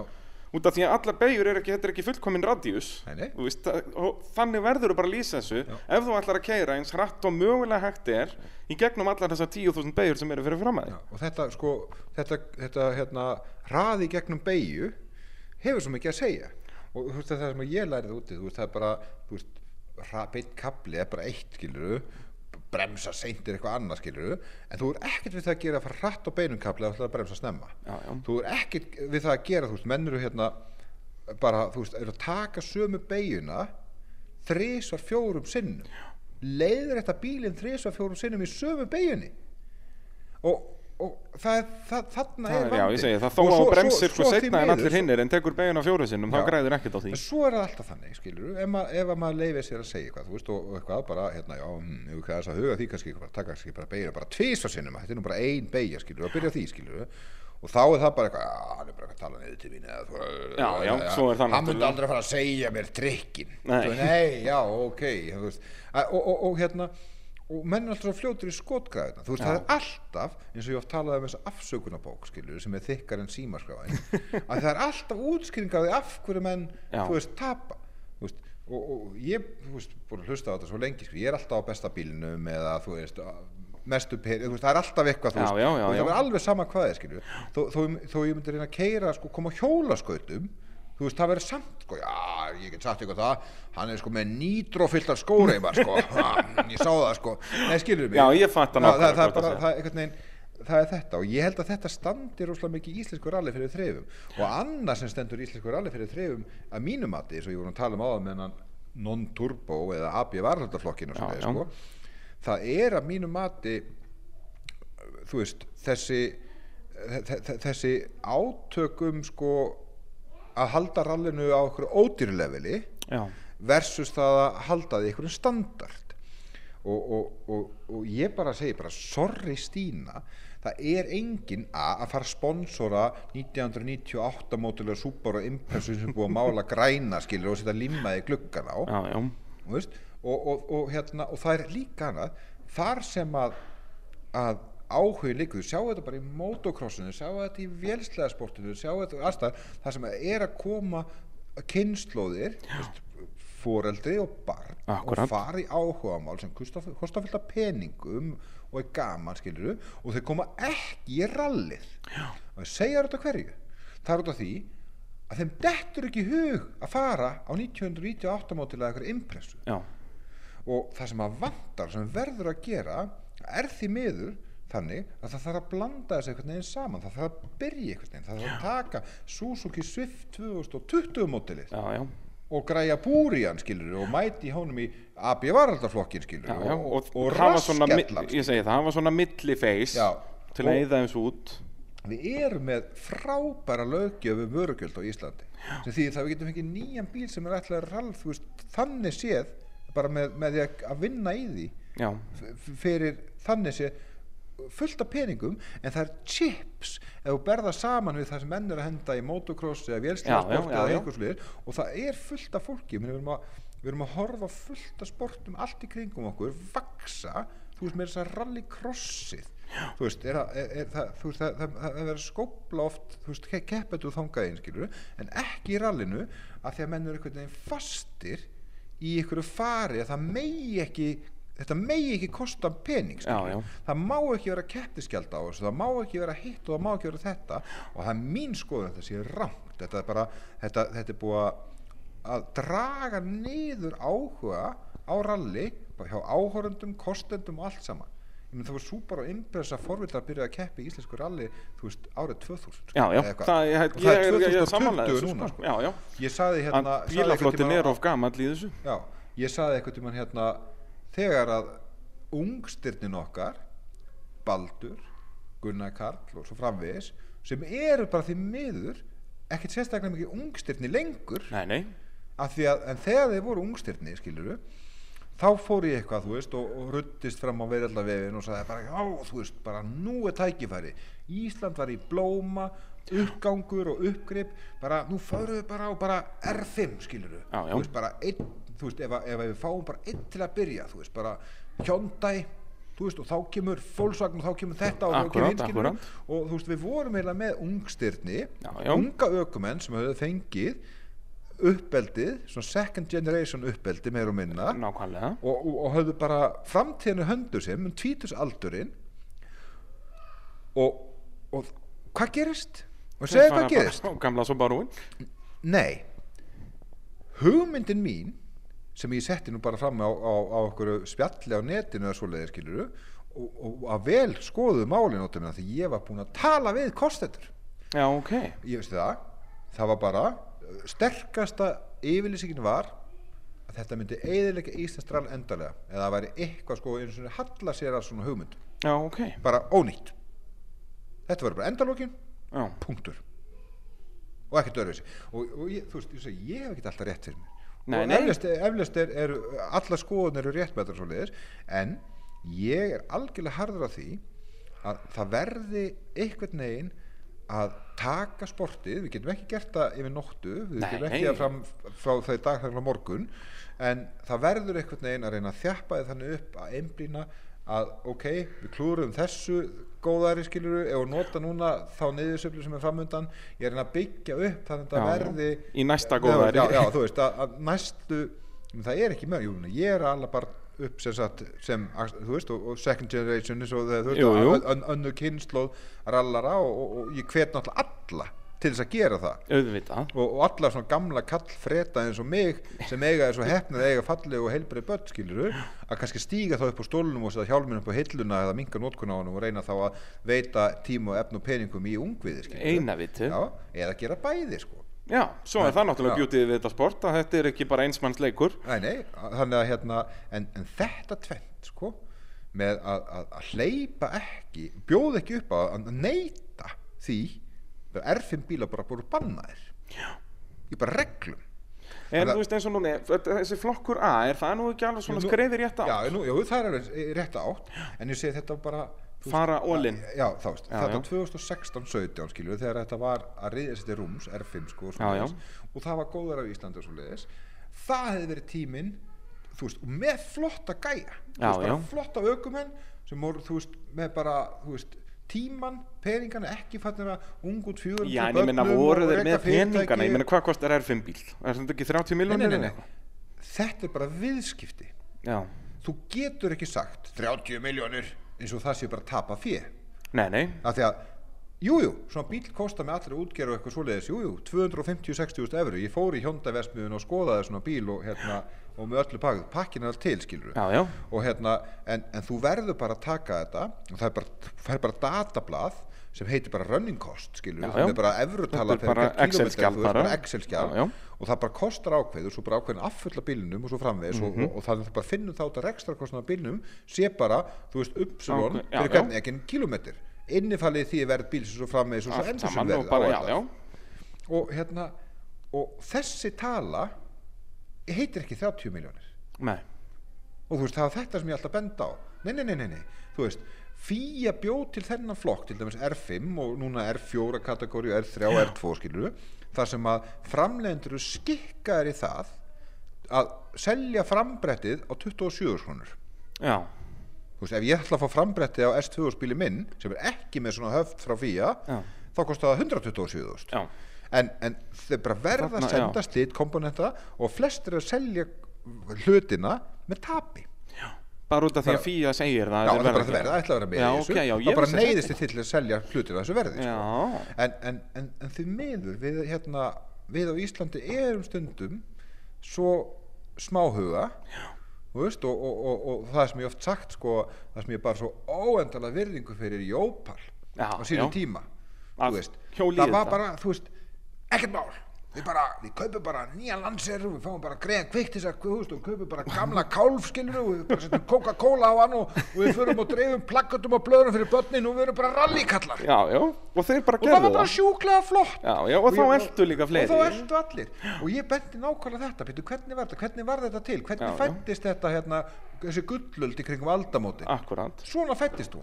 Ef við gerum þetta aftur nei, þú eðilegur íslenstur all Já, og, já, og, og, og hérna, og sama með, þú veist, með AB varluti og, og, og okkar góðu sponsora þessum ágæta þætti, skilur þú veist, ég myndi segja það að, þú veist, ef ég myndi fara og leita uppi, skilur segja, já, ég er hérna með Subaru Impressor flokk 98, þetta er svona Ford bílaklúpur og þetta er svolítið skemmtilegt, sko. Eh, hérna, e, penning já. Nei, Heldur en að ég er hérna á fungun í um síndrói já, já Og við erum eins og að sjá þetta eins og bara í kappakstur Nú var fyrsti kappakstur í Ís Íslandsögunar fóru fram um uh, síðustu helgi bara sunnudeginum eftir rallið. Og það er allt morandi í einhverjum nýjum síndróinum og runóum og eitthvað svaka fínt. Já, Bara þúsund bílar, þeir Já, eru bara 60 hestöp Veistu hvað er gaman að taka bara einhver bíl, skilur, segjum bara ég, það, það, er svona F1 Junior í Bretlandi Já, sem akkurat. er nákvæmlega sumu bílræðin sem voruð að tala um, skilur, Akkúrat. C1 Citroen og eitthvað svona, sem keppi í skóginum. Já, já, bara og þannig er bara, já, bara, þú veist alveg eins og þúsund jaris flokkurinn hérna upp á braut og eitthvað svona þannig er bara fullt af fólki komið að skemmta sér konunglega en er bara á ykkur sem fólk þekkir Já, já. án þess að vera eldri en sólinn eða vera bara flett og líka forbílabókum þetta, sko. þetta að geta keftan að geta hort á bílinn í skóginum og fara síðan að kaupa nýjan í umbúðin. Það er nú svolítið stórt partur af þessu það er svolítið stór partur af þessu og ég bara, ég bara hvet þá sem að reyna að ráða stjórnórfami ég ætla ekki að ráða, þú veist til þess að opna kannski augu sem fyrir þessu. Ég veit að við erum búin að missa lestinni þetta skipti Já, að já, veist en að- bara- en, en, en þú veist, svona almennt séð já.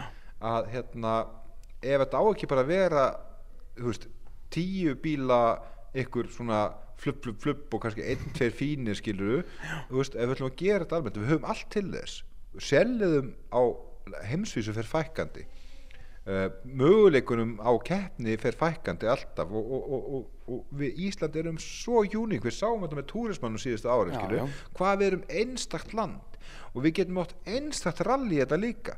Og við getum voruð svo eftirsóknarvert rallyland bara fyrir sjálfleðirnar, náttúruna, fólkið allt saman. Og, og nei, það er ekki bara út af þessi ógeðslega dýrt á Íslandi og allt ómöld og svona, það er bara ekki sannleikurinn út af því að, að veist, ég hef kert í Bretland og Finnlandi og það er bara miklu, miklu dýrar að keppa í Nákvæmlega, þar heldur en ég sko. en, en við höfum þetta allt í hendu okkar og það eina sem okkur vantar eru aðeins við sýtinni gleru að mínu mati. Akkurat, það er, ekki bara gott að enda þetta svoleiðis? Það getur vel verið, Það getur vel hérna verið. alla nótt Ég segi það, sko, ég meina það er bara hérna, já, farið að dimma útilegur við. Hérna. Daniel, ég vil þakka þér kærlega fyrir spjallið og, og enn og aftur til hamingi með sigurinn um helgina. Takk fyrir það. Það verður, já, enn skemmtilegar að sjá á krók þar sem næsta umferð fer fram í lóku júlímánaðar. Já, við vorum líka bara að hita upp núna sko. Já, er það ekki? já, þetta var náttúrulega bara, Erika ekki kert með mér síðan alltfjóralið 2018 Já, og við bara, ég sagði já, við, við bara hristum okkur saman á Hólmæk þú veist, ná nótunum og eitthvað. Og ég ætla ekki að fara hérna, þú veist, full force í þetta og ekki neitt sko. Já, já, en nú gekk þetta bara afbyrða vel. Stelpan er alveg frábær. Bara, það er rosa gott að vera með aðstofurökumann sem er ekki að öskra úr hæðslu eða öskra að, þú veist, áfram eða hún er eða, alveg eða, bara róleg. eða, já, sko dásamlega yfirvugun þú veist, dásamlega karakter og, og, og eins og ég sagði þetta alveg fyrir tveimur ára síðan skilju hún hefur bara ekki hugmynd um hvað hún koma sér í sko, þannig Nei, nei. að, því að hérna, segi, hún er, hún er réttan á bílbúrsaldri núna sko já, já og hérna og, og einhvern veginn fyrir henni er þetta, hún er bara alltaf að setja mig um bíl síðan hún var bara holli sko þekki bara ekkert annað Nei, nei, og það er alveg frábært sko þetta er bara eðlasta mál sko Þetta er indislegt sko. Það verður virkilega gaman að fylgjast með ykkur í sumar. Enn og aftur takk fyrir spjallið. Og já, þakka þetta að Abbi var að hlutum miðnvelum og bílapunktinum líka fyrir stuðningin. Og þanga til næst. Bless, bless.